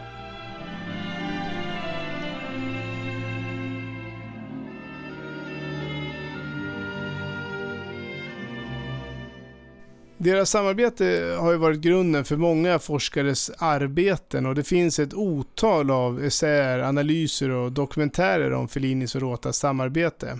Vad var det som Mm. gjorde det så unikt? Rota rörde sig hemtamt i all slags musik och blandade ju genrer som man hade lust för att uppnå bästa möjliga resultat i bilderna. Och det kunde vara jazziga passager, folkmusik och stor symfonisk klassisk musik i samma film. Han jagade alltid det uttryck som jobbade med eller mot bilderna på bästa möjliga vis. Eller det stämmer faktiskt inte för det där med bilderna för att enligt Fellini så hade inte Rota något behov alls av att se bilderna. Rota lyssnade bara på Fellinis beskrivning och så började han komponera utifrån sin egen fantasi. Och Rota hade enligt Fellini då en geometrisk fantasi. Och han hade en hel värld inom sig dit verkligheten inte hade någon ingång. Och av alla samarbeten Fellini hade i sin karriär så var det här med Rota det han uppskattade allra mest. Och du sa ju där, eh, vad heter det, Giulietta Massina och uh, Marcello Mastriani, men jag tror Mm. Rota är minst eh, lika uppskattad, eller lika högt uppe i alla fall kreativt. Det- eh. Mm. Och jag läste någonstans att någon, kallade, att någon hade kallat Rotas musik för en helt egen genre. Melankolisk Mm. cirkusjazz. Mm. Men jag tror liksom att om man ska förstå nyckeln till, eh, till Rota så är det nog just det där fantasifulla och lekfulla sättet som man låter musiken gå oväntade vägar och inte låter sig begränsas av regler och genrer.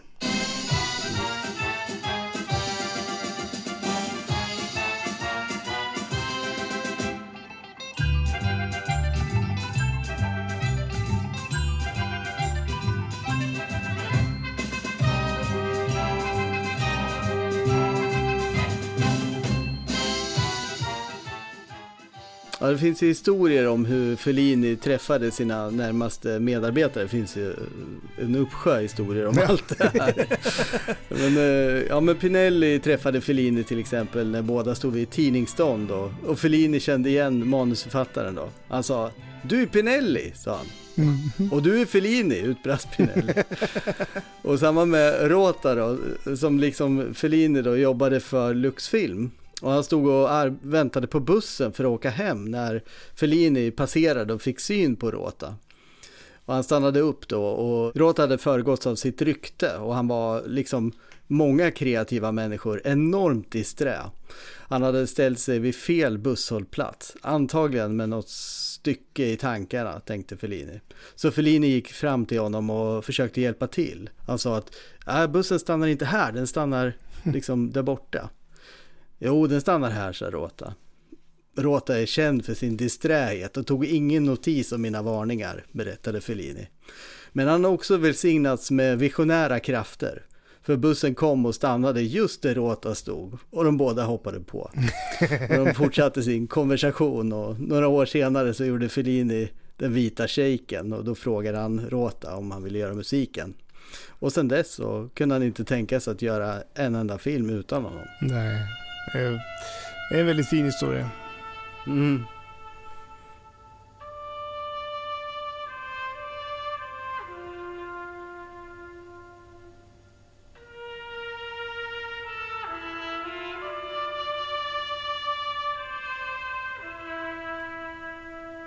När de var ute på landsbygden för att filma Variety Lights så la Fellini märke till ett udda par vagabonder, eller luffare om man så vill, som hade slagit upp sitt tält på ett fält.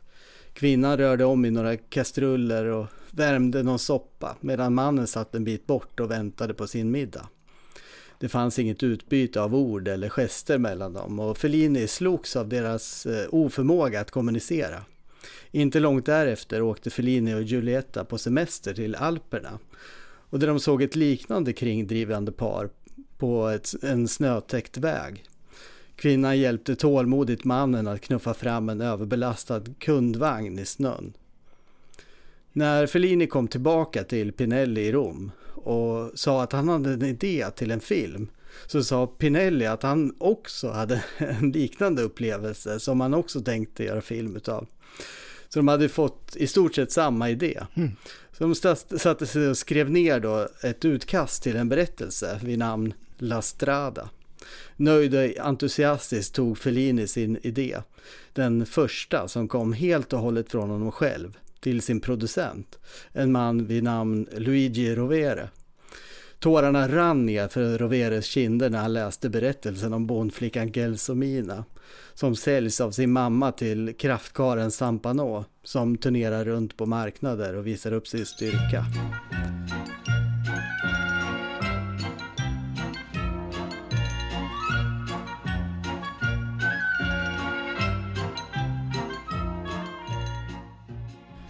Rovere torkade tårarna från kinderna och meddelade att det var en fantastisk berättelse som skulle göra sig utmärkt som en roman. Men någon film var det inte. Fellini argumenterade för sin sak och berättade om sin vision och hur han hade tänkt sig att Giulietta skulle kunna ta världen med storm i, i rollen som Gelsomina. Rovere fnös och gjorde sig rolig över detta påstående. Giulietta är ju över 30 nu. Hon skulle aldrig kunna spela en ung flicka. Hans råd var att droppa projektet, för Fellini skulle aldrig hitta en producent som var villig att satsa på det.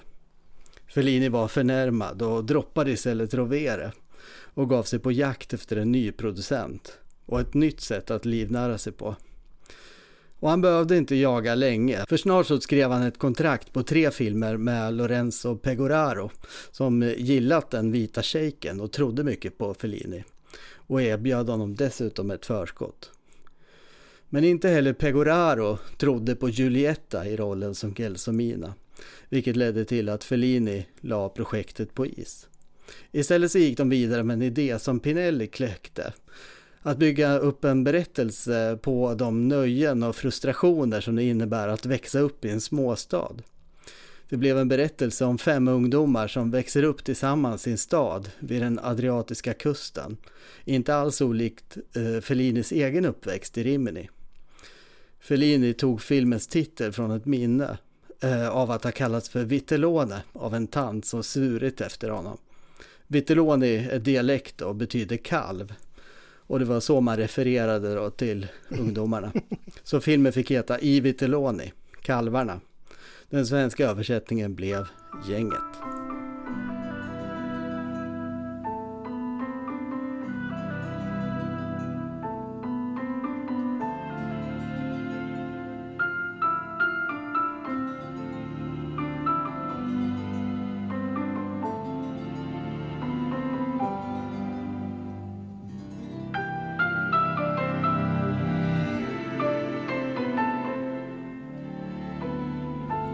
Här filmen så ser man en stark bild som skulle bli en del av Fellini-universet. Den har blivit filmens signum. Men i filmen flashar den faktiskt bara förbi ganska snabbt. Med tiden skulle Fellini att lära sig att hålla fast vid dessa slående bilder. Bilden här då består av konturerna av de fem ungdomarna som står på en brygga och blickar ut mot det öppna havet. De är iklädda överrock och halsduk och någon håller i hatten. Vågorna svallar mot stranden. Det är Rimini när alla sommargäster har lämnat staden.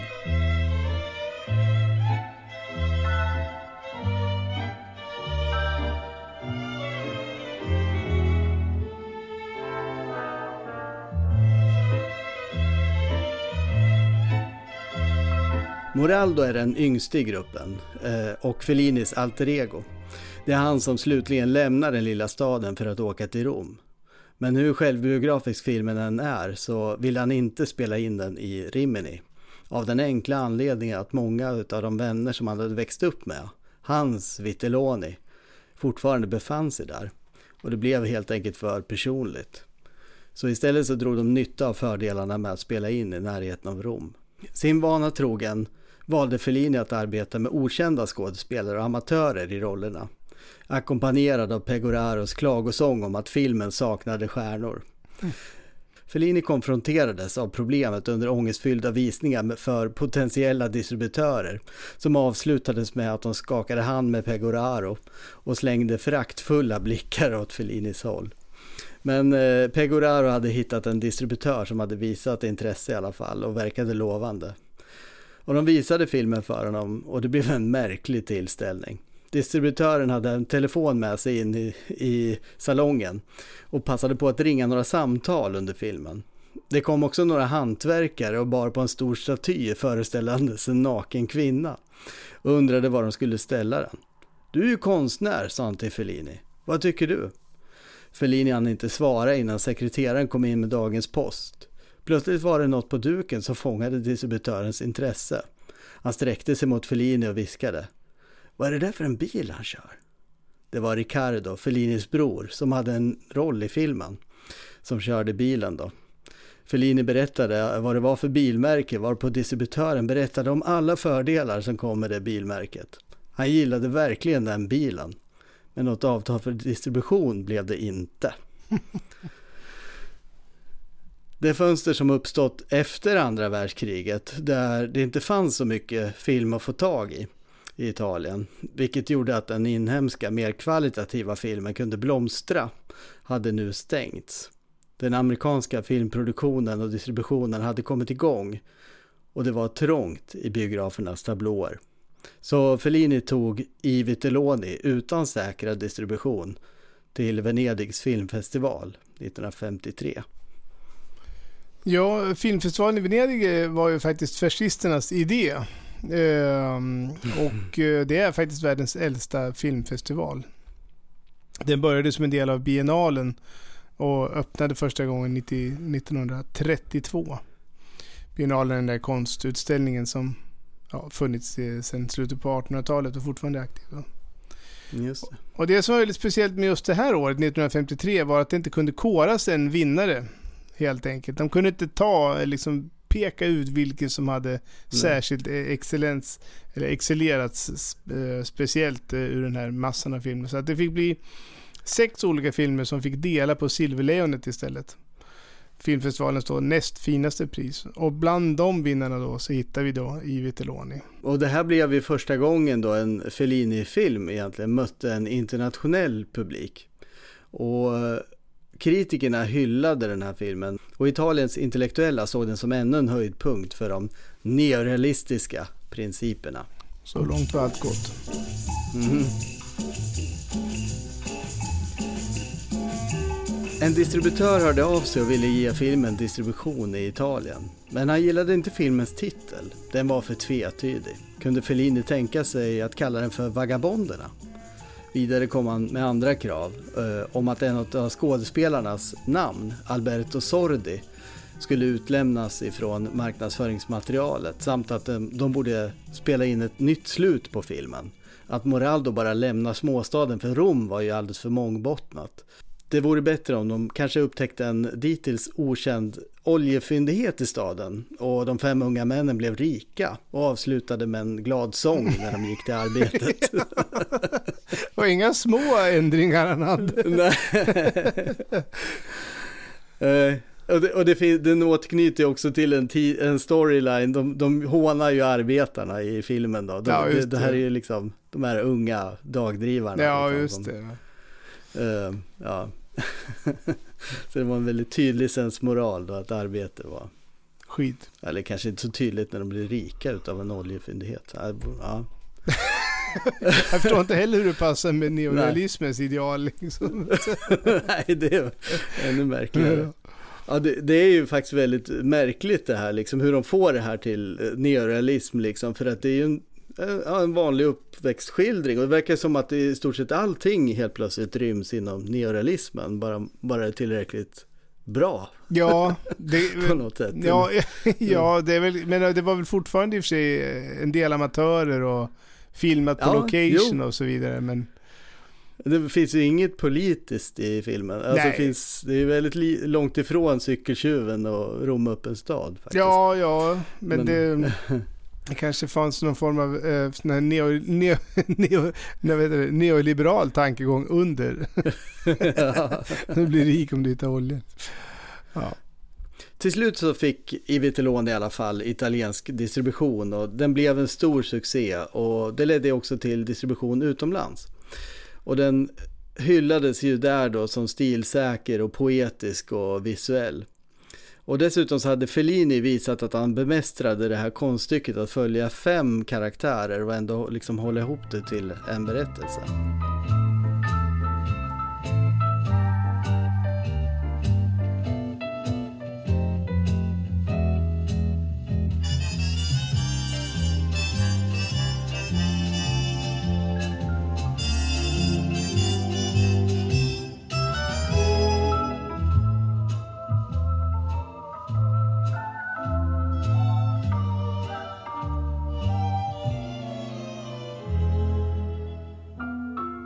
Efter hyllningarna för I Vitelloni som en neorealistisk film så kontaktades Fellini då utav Cesare Savatini som verkligen tillhörde neorealismens adel.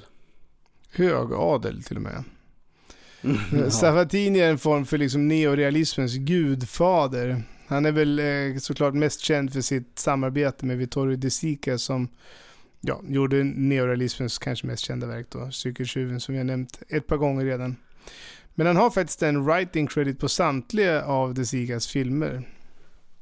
Savatini var med till att intellektualisera filmen och bidrog då till att sätta upp regler och villkor för hur en neorealistisk film ska se, eller i hans ögon då, hur filmkonsten ska se ut. Och i en intervju med ett italienskt filmmagasin som senare blev översatt till engelska så satte han upp 13 punkter för som en film ska leva upp till.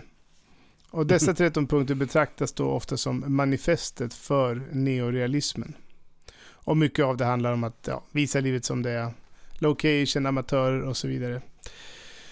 Och Savatini var ju naturligtvis också han både då ateist och kommunist. Needless to say.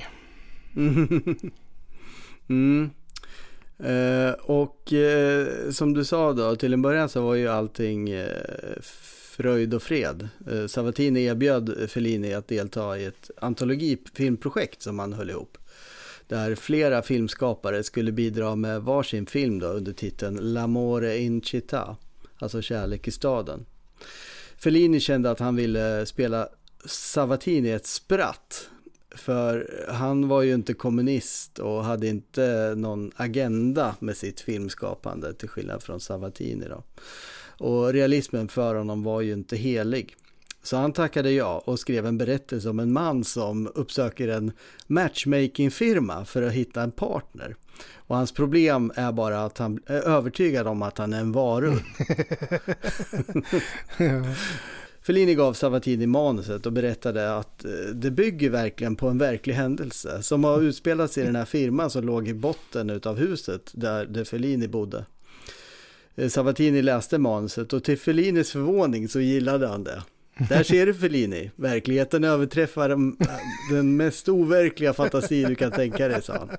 Men Fellini hade ju förstås då diktat ihop den här berättelsen då, så the laugh was on him.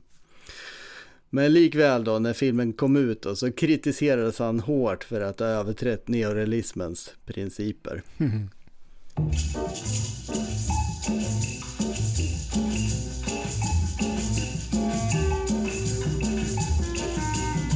Framgångarna med Iviteloni gav Fellini manöverutrymme och möjligheten att förverkliga sitt skötebarn, La Strada. Men Pegoraro var fortfarande inte övertygad om att Giulietta skulle kunna spela rollen som Gelsomina. Varför inte smida medan järnet var varmt och fortsätta med en uppföljare till I Vitelloni? Och i slutet av 1953 skrev faktiskt Fellini och Pinelli ett manus till en uppföljare vid namn Moraldo i staden. Ett manus som aldrig blev filmat och lägg märke till den här Moraldo i staden för den kommer återkomma in i La Dolce Vita senare. Mm -hmm. Men eh, Fellini ville i slutändan då inte lägga en tidigare films succé som insats, som han sa. Vilket ju var en ganska klok reflektion. Ja. Fellini ville förverkliga La Strada och såg sig om efter andra producenter. Han eh, träffade på Carlo Ponti och läste manuset och var rörd och entusiastisk.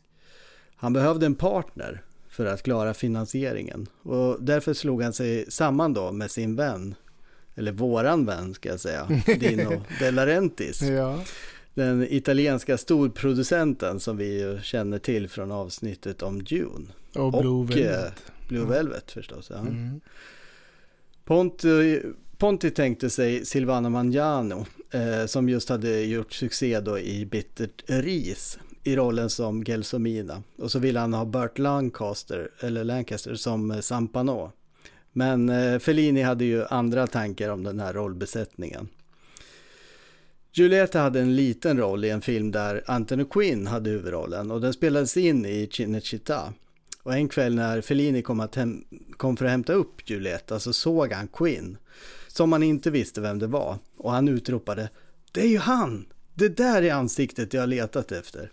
Så Giulietta presenterade de två för varandra och de började prata.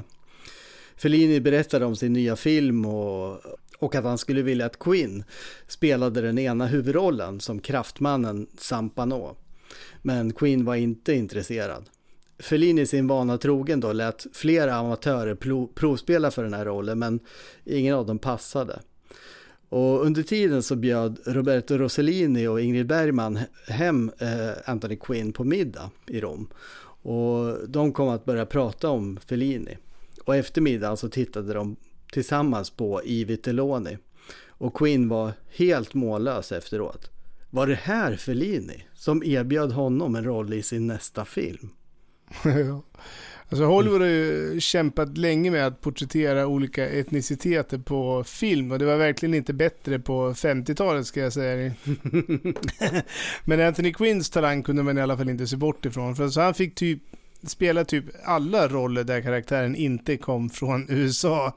Nej. Han spelade grek i Sorba och eh, kanonerna från Navarone, mexikan i Viva Zapata, arabisk shejk i Lawrence of Arabia, profeten Muhammeds bror i Muhammed härföraren, Hunner i Attila, hundarnas kung, italienare eh, i Vild i är vinden och så vidare och så vidare. Alla Han nationaliteter. var komma på. Hollywoods favorite ethnic actor. Precis, han var the go-to guy when you need a black man. A darker man Ja. liksom. Han kom ursprungligen från Mexiko då, men redan när han var liten så valde hans föräldrar att fly under den mexikanska eh, revolutionen och flyttade då till en förort till Los Angeles. Och pappan jobbade som kameraassistent och på så vis blev Anthony, eller Antonio Oaxaca som han hette då, introducerad till filmens värld. Men när han växte upp livnärde han sig faktiskt som professionell boxare. Och samtidigt så började han studera arkitektur under legenden Frank Lloyd Wright. Som ju är en av USAs mest eh, inflytelserika arkitekter.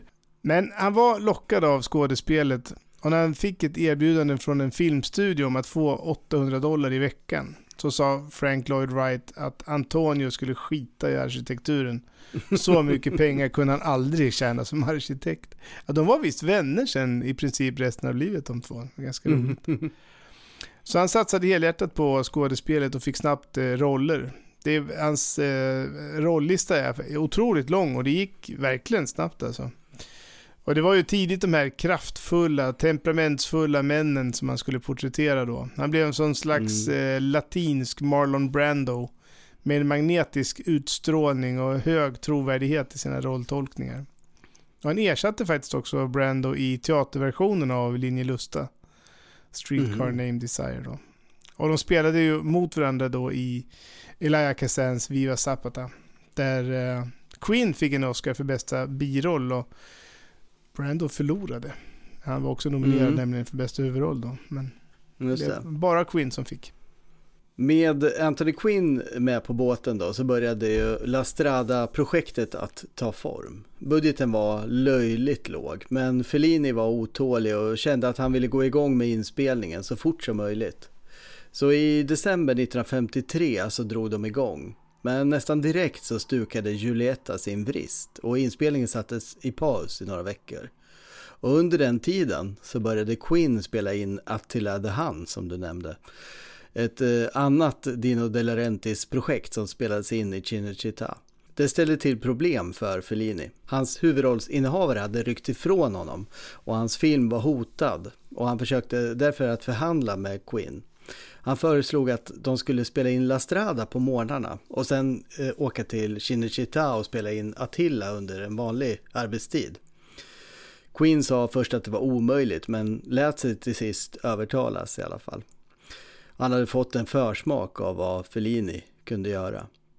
Queen såg hans enorma talang, vilken känslig och uppmärksam regissör han var. Han kände att han kunde nå en ny nivå som skådespelare, i hans händer. Dock var inte De, De Laurentiis nöjd, men enligt Quinn så löste det sig genom att Fellini senare fick regissera några kompletteringar till Attila the Hun, Mm. vilket ju hade varit väldigt intressant att Ja, se. ja. De har jag aldrig sett. Men... Uh, I think that's very interesting to me is to know what uh, relationship you have with the writer. Because you improvise so much in a film and you create as it goes along. Well, uh, I consider myself the father and the mother and the aunt and the uncle, everything of my film, you know. Even if I have to declare that I am full of great, great gratitudine, gratitude for all my cooperators, for my collaborators. I have uh, my, my particular system, system to, to work, you know. Mm, I, I, I really don't want and I don't want to have a precise script. I, I, I think that um, to make a picture is to try to see, to, is to try to do all things together. I, I don't like to have different sections, you know, the idea, and after that the script, and after that the screenplay, and after that the choosing the actor, and after that choosing location. When I have an idea, I start to talk with uh, those my very precious collaborators, and uh, sometimes I am always uh, I am always maybe a little bit ashamed to say to them exactly what I am in mind. You know? I, I um, say to them the idea maybe in a confused way, and uh, just to to uh, just to, to to to start to do something. Maybe sometimes I give to them mm, the the, the advice to start to write a dialogue between two characters of the picture, even if they don't know very well what what kind of character uh, I am talking about. So, but I need to, to, to start to have in my hands uh, some piece of the body of the picture. know. Vissa skådespelare tyckte att detta ständiga skapande som innebar ett ständigt ändrande var otroligt frustrerande. Så frustrerande att det helt enkelt inte gick att jobba. Fellini kunde inför en scen komma med tre nya manussidor och säga att det manus som du repeterat till, det gäller inte längre. Utan det är det här vi ska göra nu. Du har fem minuter på dig att memorera dialogen. Fellini hade en känsla för detaljer och kunde vara mycket envis och bestämd med vad han ville ha. Manuset till den 108 minuter långa La Strada var 600 sidor långt. Oj, att jämföra med ett vanligt Hollywood-manus som ligger på sådär 120 sidor, alltså fem gånger så långt. Yes. Fellini hade plottat ner varenda kameravinkel i manuset. Men väl på plats så var han öppen för idéer och gjorde om alltihopa. Och allt var ju dubbat förstås också. Ljudet och bilden var helt separerade. Skådespelarna fick recitera handlingslistan till snabbköpet. Bara uttrycket var det rätta. Eller som här, där skådespelaren räknar på ett aggressivt sätt. För han är ju fascist. Per Dio, com'è possibile essere così cretini? 4, 5, 6, 7, 8, 9, 25, 26, 27, 28, 29, 30, 31, 32, 33, 34, 35. Ah, non a me, a me. Stop, stop, a me. Fellini var hela tiden närvarande bakom kameran på ett mycket direkt sätt. Medan kameran rullade berättade han för skådespelaren vad han skulle göra. Vad han skulle känna, vad han skulle säga. På så sätt så blev han berättelsens osynliga hu- huvudperson. 755 quarta. Smile Martino. Look my hand. Go Martino, vedi Minicuccio. Go down I let. Tama Pailet, Cam uh, Iram, Cam Martino, Kiss Martino Ailet, now Kiss Iram Ailet, Go down Iram, look to Martino, go with your hands, caress Martino, look to him Martino, go down Martino, caress him Iram, smile a little bit, look to my hand Martino, look to him and Du var ju inne lite på handlingen i La Strada, men vi kan väl dra den här också. Och den handlar ju då om det omaka luffarparet Gelsomina och Sampano. Gelsomina säljs till Sampano av sin mamma för 10 000 lire och några kilo mat. Liksom hennes stora syster hade gjort året innan. Sampano uppträder som stark man i de små byar som pa- paret passerar på sin färd. c'è roba da vestire 10 persone, scarpe, vestiti e tutto. Vieni qua, forse c'è qualcosa che ti va bene. Devi essere elegante. Con Zampanò stracci in giro non ne voglio. Le mie donne hanno sempre fatto la sua figura. Han utför konster där han visar sin styrka och hans bästa nummer är när han spränger kedjor med sina bröstmuskler. Gelsomina går sen runt bland åskådarna och samlar in pengar i en hatt. Och så driver de runt från stad till stad tills de möter en clown och lindansare, Il Matto. Och Il Matto blir en slags sanningssägare i berättelsen. Han får en narrens funktion. Il Matto betyder dessutom den galne. Och de tre reser med en cirkus där de får anställning. Narren Il Matto retar Zampano konstant och frågar varför Gelsomina, eh, varför hon befinner sig i Sampanos brutala beteende mot henne. Och efter en konfrontation mellan Ilmato och Sampano fängslas de och får därefter sparken från cirkusen. Och in i fängelset så frågar Ilmato Matto varför han inte behandlar Gelsomina bättre. Allt har en funktion som han säger. Till och med en sten har en funktion i världen. Mhm. Väl ute ur fängelset så, och utan en cirkus att eh, resa med så reser trion vidare tillsammans trots allt. Och när bilen får punktering så hamnar clownen och den starke mannen i slagsmål. Ett slagsmål där Sampano till sist slår ihjäl Lill-Matto. Clownens död gör Gelsomina så apatisk och hon sitter bara och upprepar att narren är skadad. Sampano lämnar Gelsomina eftersom han inte kan använda henne längre. Och det är en väldigt sorglig och poetisk eh, film. Det är ju inte vad många har fördomar om eh, Fellini-filmer så tänker man ju någonting, någon livslust och någon glädje och så vidare. Men den här är ju, Mm. eh, slutar ju verkligen i moll. Eh, Ja men verkligen. Och han är ju väldigt bra på att avsluta filmer. Många av de här, nästa film också. Men här är ju liksom precis i slutet när Zampano bryter ihop. Ja. För att han saknar, han får ju höra då att Ja, hon dog av har- eh, har olycka mer eller mindre. Det var några som hade samlat upp Ja. henne och så dör hon av sorg. Mm. Ja. Och då kommer insikten vad han kunde ha gjort och så vidare. Ja. Den starka mannen blir svag. Ja. È arrivato. Così devi dire. È arrivato Zampano.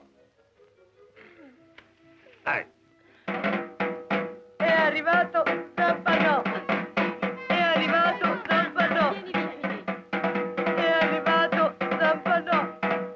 Jag nämnde ju John Steinbeck tidigare och eh, finns ju väldigt tydliga influenser härifrån honom. Inte minst då från hans klassiker Möss och människor. Ja. Alltså det här landskapet och de enkla människorna och luffandet och lilla sällskapet. Mm.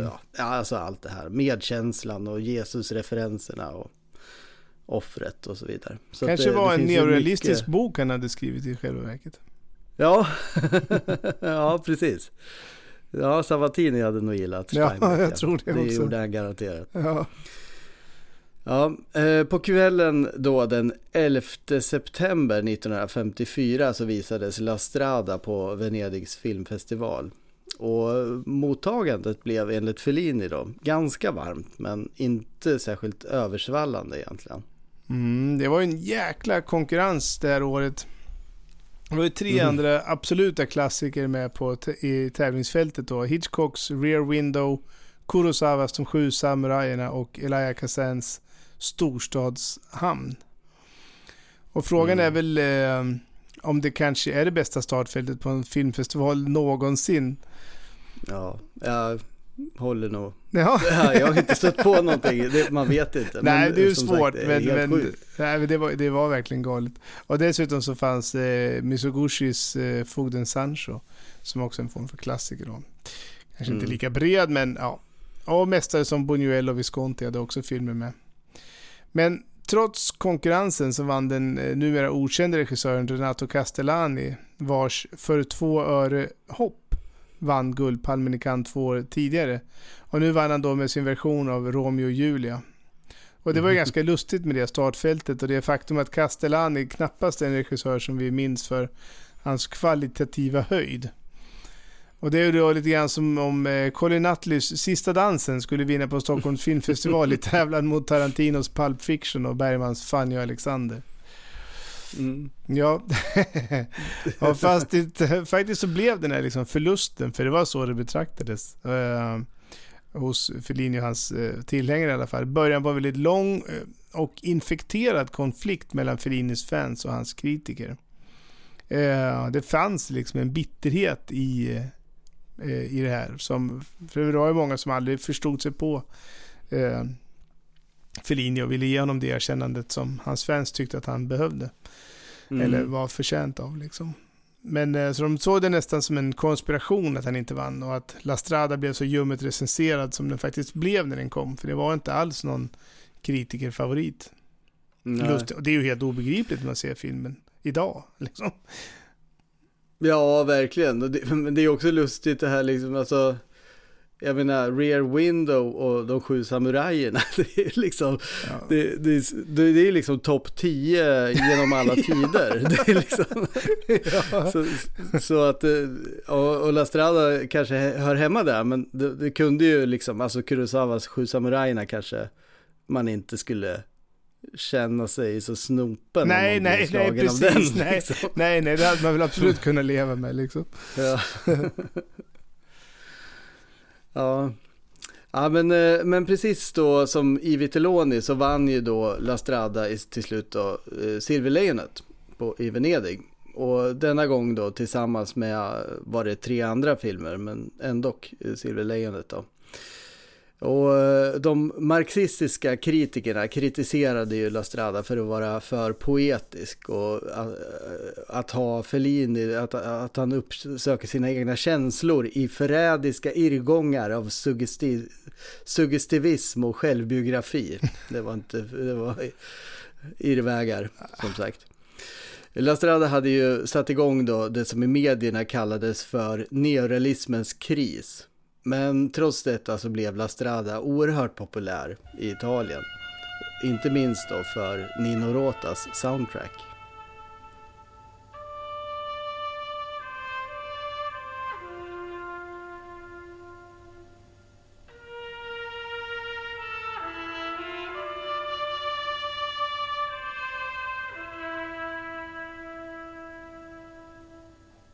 Ledmotivet till La Strada sålde i två miljoner exemplar i Italien och framgångarna upprepades i land efter land. Utomlands var inte kritikerna heller så politiskt färgade och där hyllades ju La Strada som ett mästerverk och Fellini och Massina överöstes med priser världen över. I vanlig ordning så hade Fellini pansat sina andelar i filmen som ett sätt att finansiera den. Och därför så blev han inte rik på de här oerhörda framgångarna. Trots att han var filmens fullständiga upphovsman. Men han skröt med att han hade gjort minst 30 andra personer rika. Små oberoende distributörer då som hade trott på hans film. Men Fellini gick inte helt lottlös och till sist så kunde han och Giulietta flytta ifrån det här rummet då där de har bott typ i tio år i Giuliettas mosters lägenhet. Otroligt. Eh, för att flytta in då i sitt eget hem vid, på Via Archimede i det fashionabla eh, stadsdelen eh, Paroli. Var det där du satt och väntade eller? Ja, det måste ha varit det. Jag minns Tror han bodde, nej, men jag, som jag minns så bodde de i samma lägenhet i nej, otroligt lång Ja, det, tid. det, det skulle inte förvåna mig. Nej. Det kan det vara. Hans producenter var ju mycket nöjda. Han hade ju gjort dem rika. Så de eh, förärade honom med en splitterny eh, Chevrolet Cabriolet. Alltså det ser ut som en, alltså det vi säger en raggarbil i Sverige efteråt. Eh, Fellini älskade ju bilar. Amerikanen då, Richard Basehart, som ju hade då den här eh, tredje viktigaste rollen eh, i La Strada, skulle ju bli upphämtad då i Fellinis nya bil som han eh, hade hört om. Och han förväntade sig ju då en Ferrari eller åtminstone en Mercedes, men han höll god ton då när Fellini kom glidandes i sin Cheva.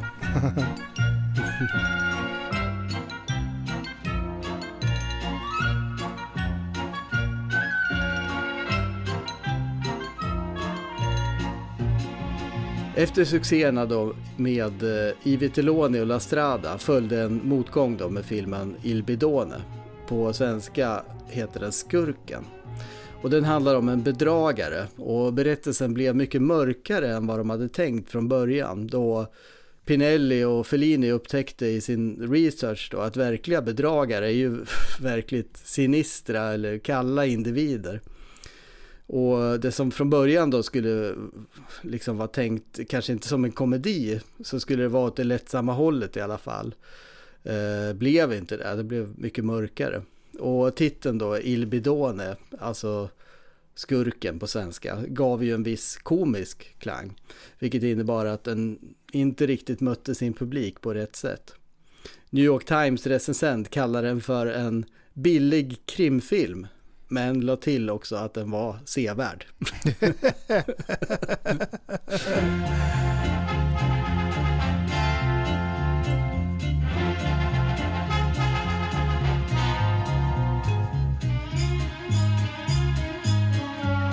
Efter La Strada fick eh, Giulietta då eh, tusentals känslomässiga brev ifrån fans från alla delar av världen. Och de skulle fortsätta att komma i resten av hennes liv. Hon fick så mycket upprättelse som hon kunde få. Det ultimata tecknet på det var att det kom ett erbjudande från Walt Disney om att göra en karaktär av hennes Gelsomina. Och docktillverkare ville ju tillverka Gelsomina-dockor och Fellini fick generösa erbjudanden om att göra filmer som Gelsomina och cykeln till exempel. Fellini konstaterade att han kunde ha levt på Gelsomina i 20 år om han hade velat. Hmm.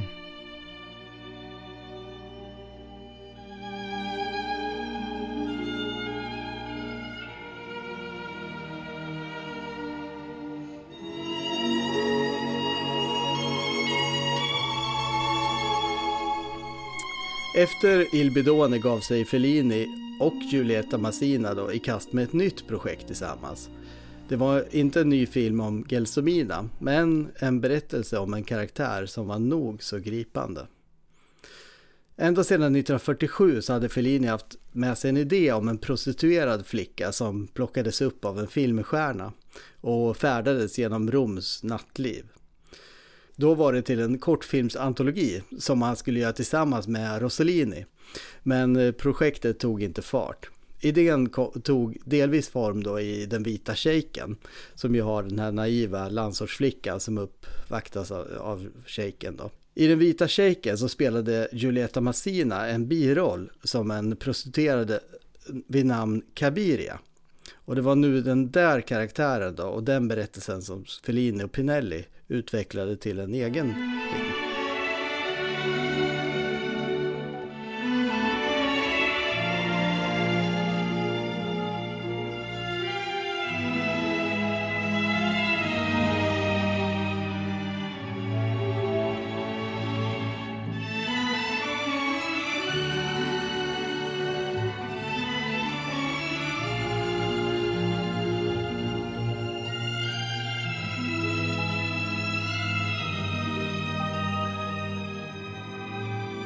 Fellini gav sig ut i Roms nattliv för att göra research och kom i kontakt med en prostituerad flicka vid namn Vanda. Han slogs av hennes uppenbara vilja men samtidiga oförmåga att skapa kontakt och kommunicera med andra. Hon var ett levande förkroppsligande av de teman som Fellini utvecklat i både La Strada och i Vitelloni. En ensam individ, isolerad från alla andra. Fellinis kontrakt var detsamma som för moderna fotbollsspelare. Mm. Han signerade tre filmskontrakt och så gjorde han en eller två filmer och så, så skildes de på grund av konstnärliga meningsskiljaktigheter. och så hoppade han ner vidare till nästa kontrakt. För eh, Cabiria då så hade han ju lämnat då Ponti och De Laurentiis till förmån för Goffredo Lombardo. Men de började bråka innan de ens hade gjort en enda film ihop.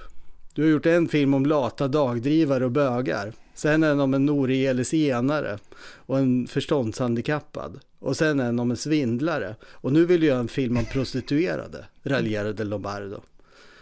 Och tillade med en fnysning. Jag undrar vad nästa film ska handla om. Producenter, svarade Fellini lakoniskt. Ja. Han insåg till slut att han gillade ju faktiskt Dino De Laurentiis och gick och skrev ett femfilmsavtal med honom.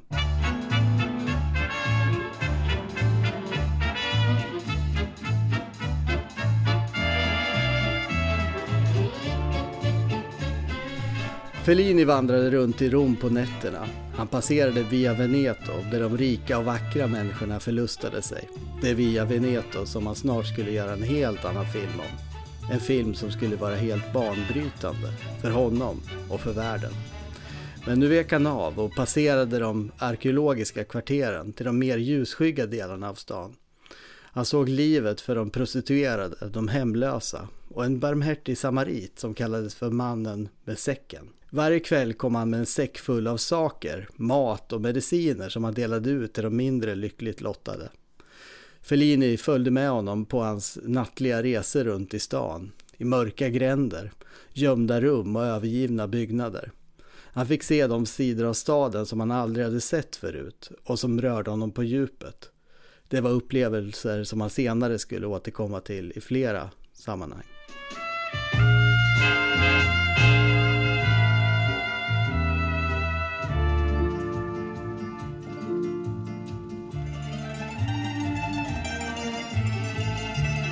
För att få autenticitet till den här berättelsen så gav han i uppdrag till sin vän Pier Paolo Pasolini att skriva dialogen till Kabirias nätter.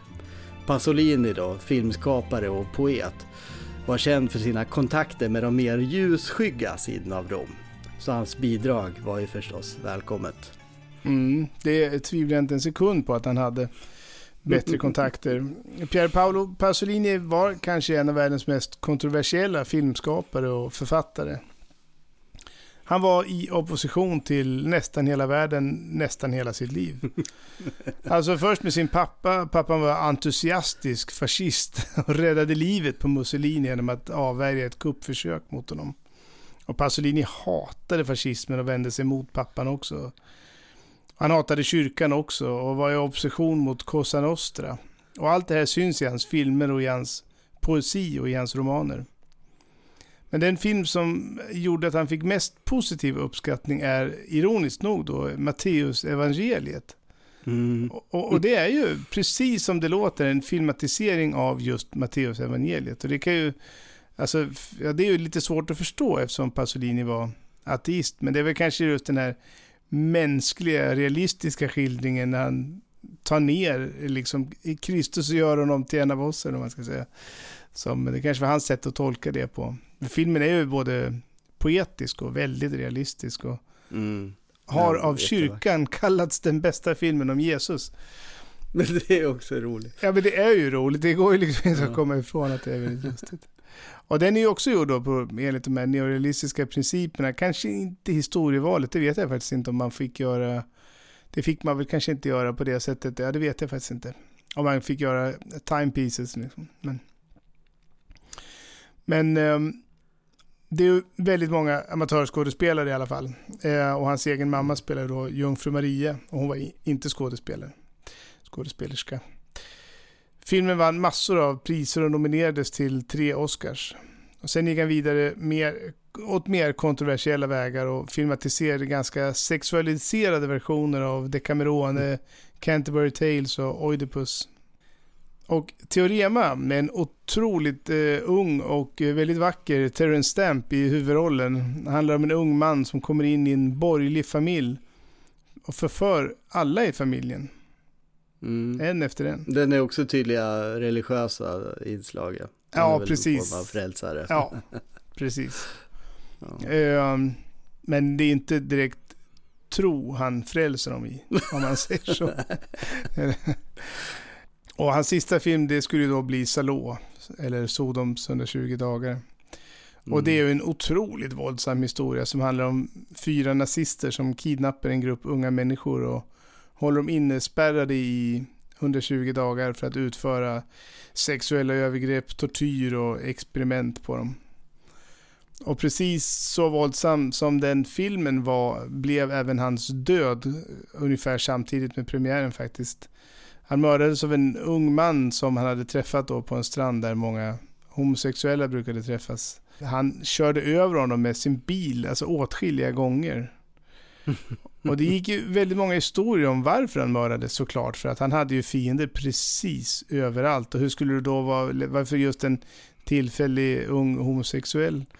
Alltså det, det fanns liksom inte, det verkade liksom lite för lätt. Och han dömdes i och för sig för mordet men drog sedan tillbaka sitt erkännande. Och sa att han bara var liksom en, lite grann som Lee Harvey Oswald, att han bara var en scapegoat liksom. Och det har ju naturligtvis bara varit vatten på, på kvarnen för de här konspirationsteorierna som har flödat fritt. Och så var det kyrkan, maffian eller till och med någon i regeringen som låg bakom hans död? Det får vi nog inte svaret på. Nej. Ja, eh, inspelningen eh, av då Kabirias nätter blev en upprepning nästan av La Strada. Därför att eh, Julieta Massina eh, skadade sitt knä några veckor in på, på inspelningen. Vilket orsakade ett nytt längre avbrott. Men efter många om och men då så fick Kabirias nätter sin premiär i slutet på april 1957. Denna gång på världens mest prestigefyllda filmfestival, filmfestivalen i Cannes. Filmfestivalen i Cannes 1957 var den första där två av de fyra regissörer som skulle dominera filmindustrin under 60-talet skulle konkurrera mot varandra då. Det var ju Fellinis Kabirias nätter var nämligen uppe mot Bergmans Det sjunde inseglet. Och Fellini och Bergman blev ju tillsammans då med Kurosawa och Tarkovsky utropade till att vara de största konstnärliga stjärnorna inom filmkonsten under många år framöver. Och en annan personlig favorit var också med och tävlade här. Det var Robert Bressons En eh, dödsdömd har rymt. Jag har ju faktiskt en Mm. tatuering där jag har tagit eh, motivet från affischen till den filmen. Mm. Jättesnygg. Men ja, men det blev ju varken Kabirias nätter eller Sjunde inseglet som vann eh, Guldpalmen. Igen här, en lite överraskande vinnare när man tittar på liksom vilka filmer som de kunde ha valt. Men vann gjorde Mm. nämligen då den amerikanska filmen Friendly Persuasion av eh, William Wilder. Och William Mm. Wilder är väl kanske mest känd för att ha gjort den där storfilmen Ben Hur som ja, kom ett par år senare.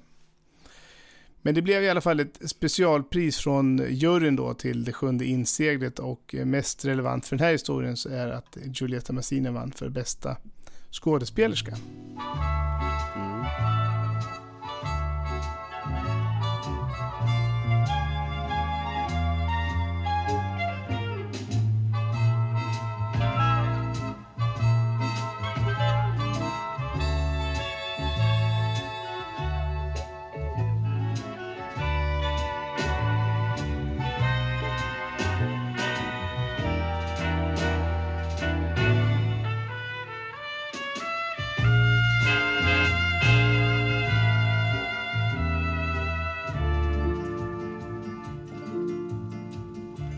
Innan Kabirias nätter hade premiär i Cannes så fick Fellini ytterligare ett erkännande. La Strada belönades som första film i den nya Oscarskategorin Bästa utländska film. Det var början på Fellinis kärleksaffär med den amerikanska publiken. Fellini och Giulietta deltog vid galan, åtföljd av publicister som De Laurentiis hade skickat med honom för att hålla honom borta från de erbjudanden som kom från de amerikanska producenterna. Fellini lyssnade till deras erbjudanden och en av producenterna erbjöd honom att regissera en western med konstnärliga kvaliteter och erbjöd honom en check på 250 000 dollar på stående fot. Så han var hett villebråd, Fellini. Men eh, han eh, var ju hedrad men tackade vänligt nej. Det var en annan landsman som skulle komma att göra de filmerna sen. Ja just det, just det, just det. Sergio Leone Ja, förstås. Ja, ja exakt. Det, det kanske hade blivit något åt det hållet. Ja. Annars. Segertåget drog ju sedan då vidare till Cannes som du berättade om och eh, ja men också en anekdot då att det var många av de här eh, filmskaparna inom den franska nya vågen som eh, uppmärksammade honom där då. Och franska nya vågen var ju precis i sin linda där 1957. Mm, verkligen.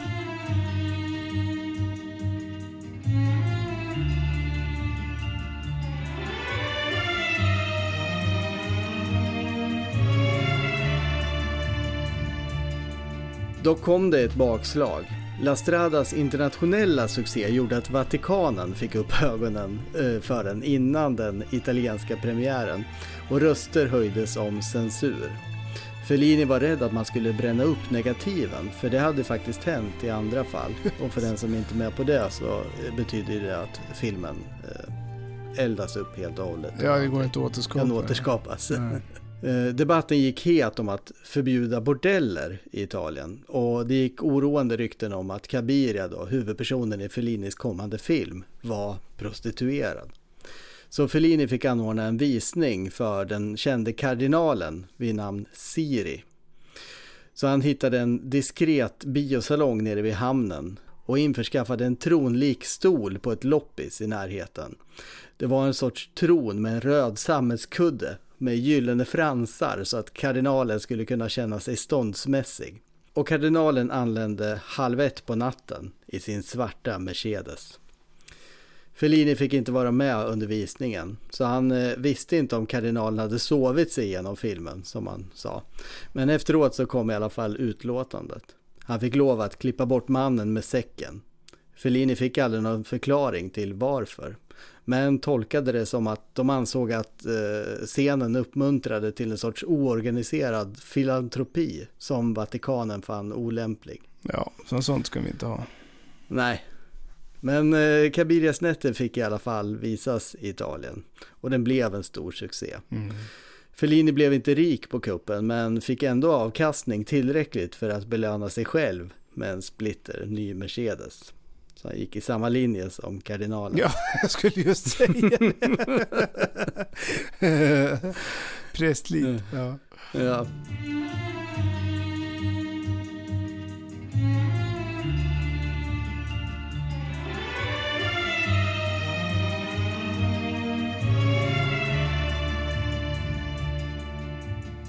Fellini hade satt italiensk film och sig själv i rampljuset. Han blev själv en kändis på kuppen. Vart han än gick på Roms gator så fick han uppskattande ord och ryggdunkningar. Kvinnor flockades omkring honom. Livet visade sig från sin ljuvaste sida. Men mörkret kom närmare. Först bara som en abstrakt känsla. Var det här allt? gnagde i honom. Snart så skulle något mycket konkret hända som skulle skaka om honom i grunden. En livskris som skulle förändra hans skapande. Men mer om detta i nästa avsnitt. Mm. Du har lyssnat på The Making of Det ljuva livet del 1.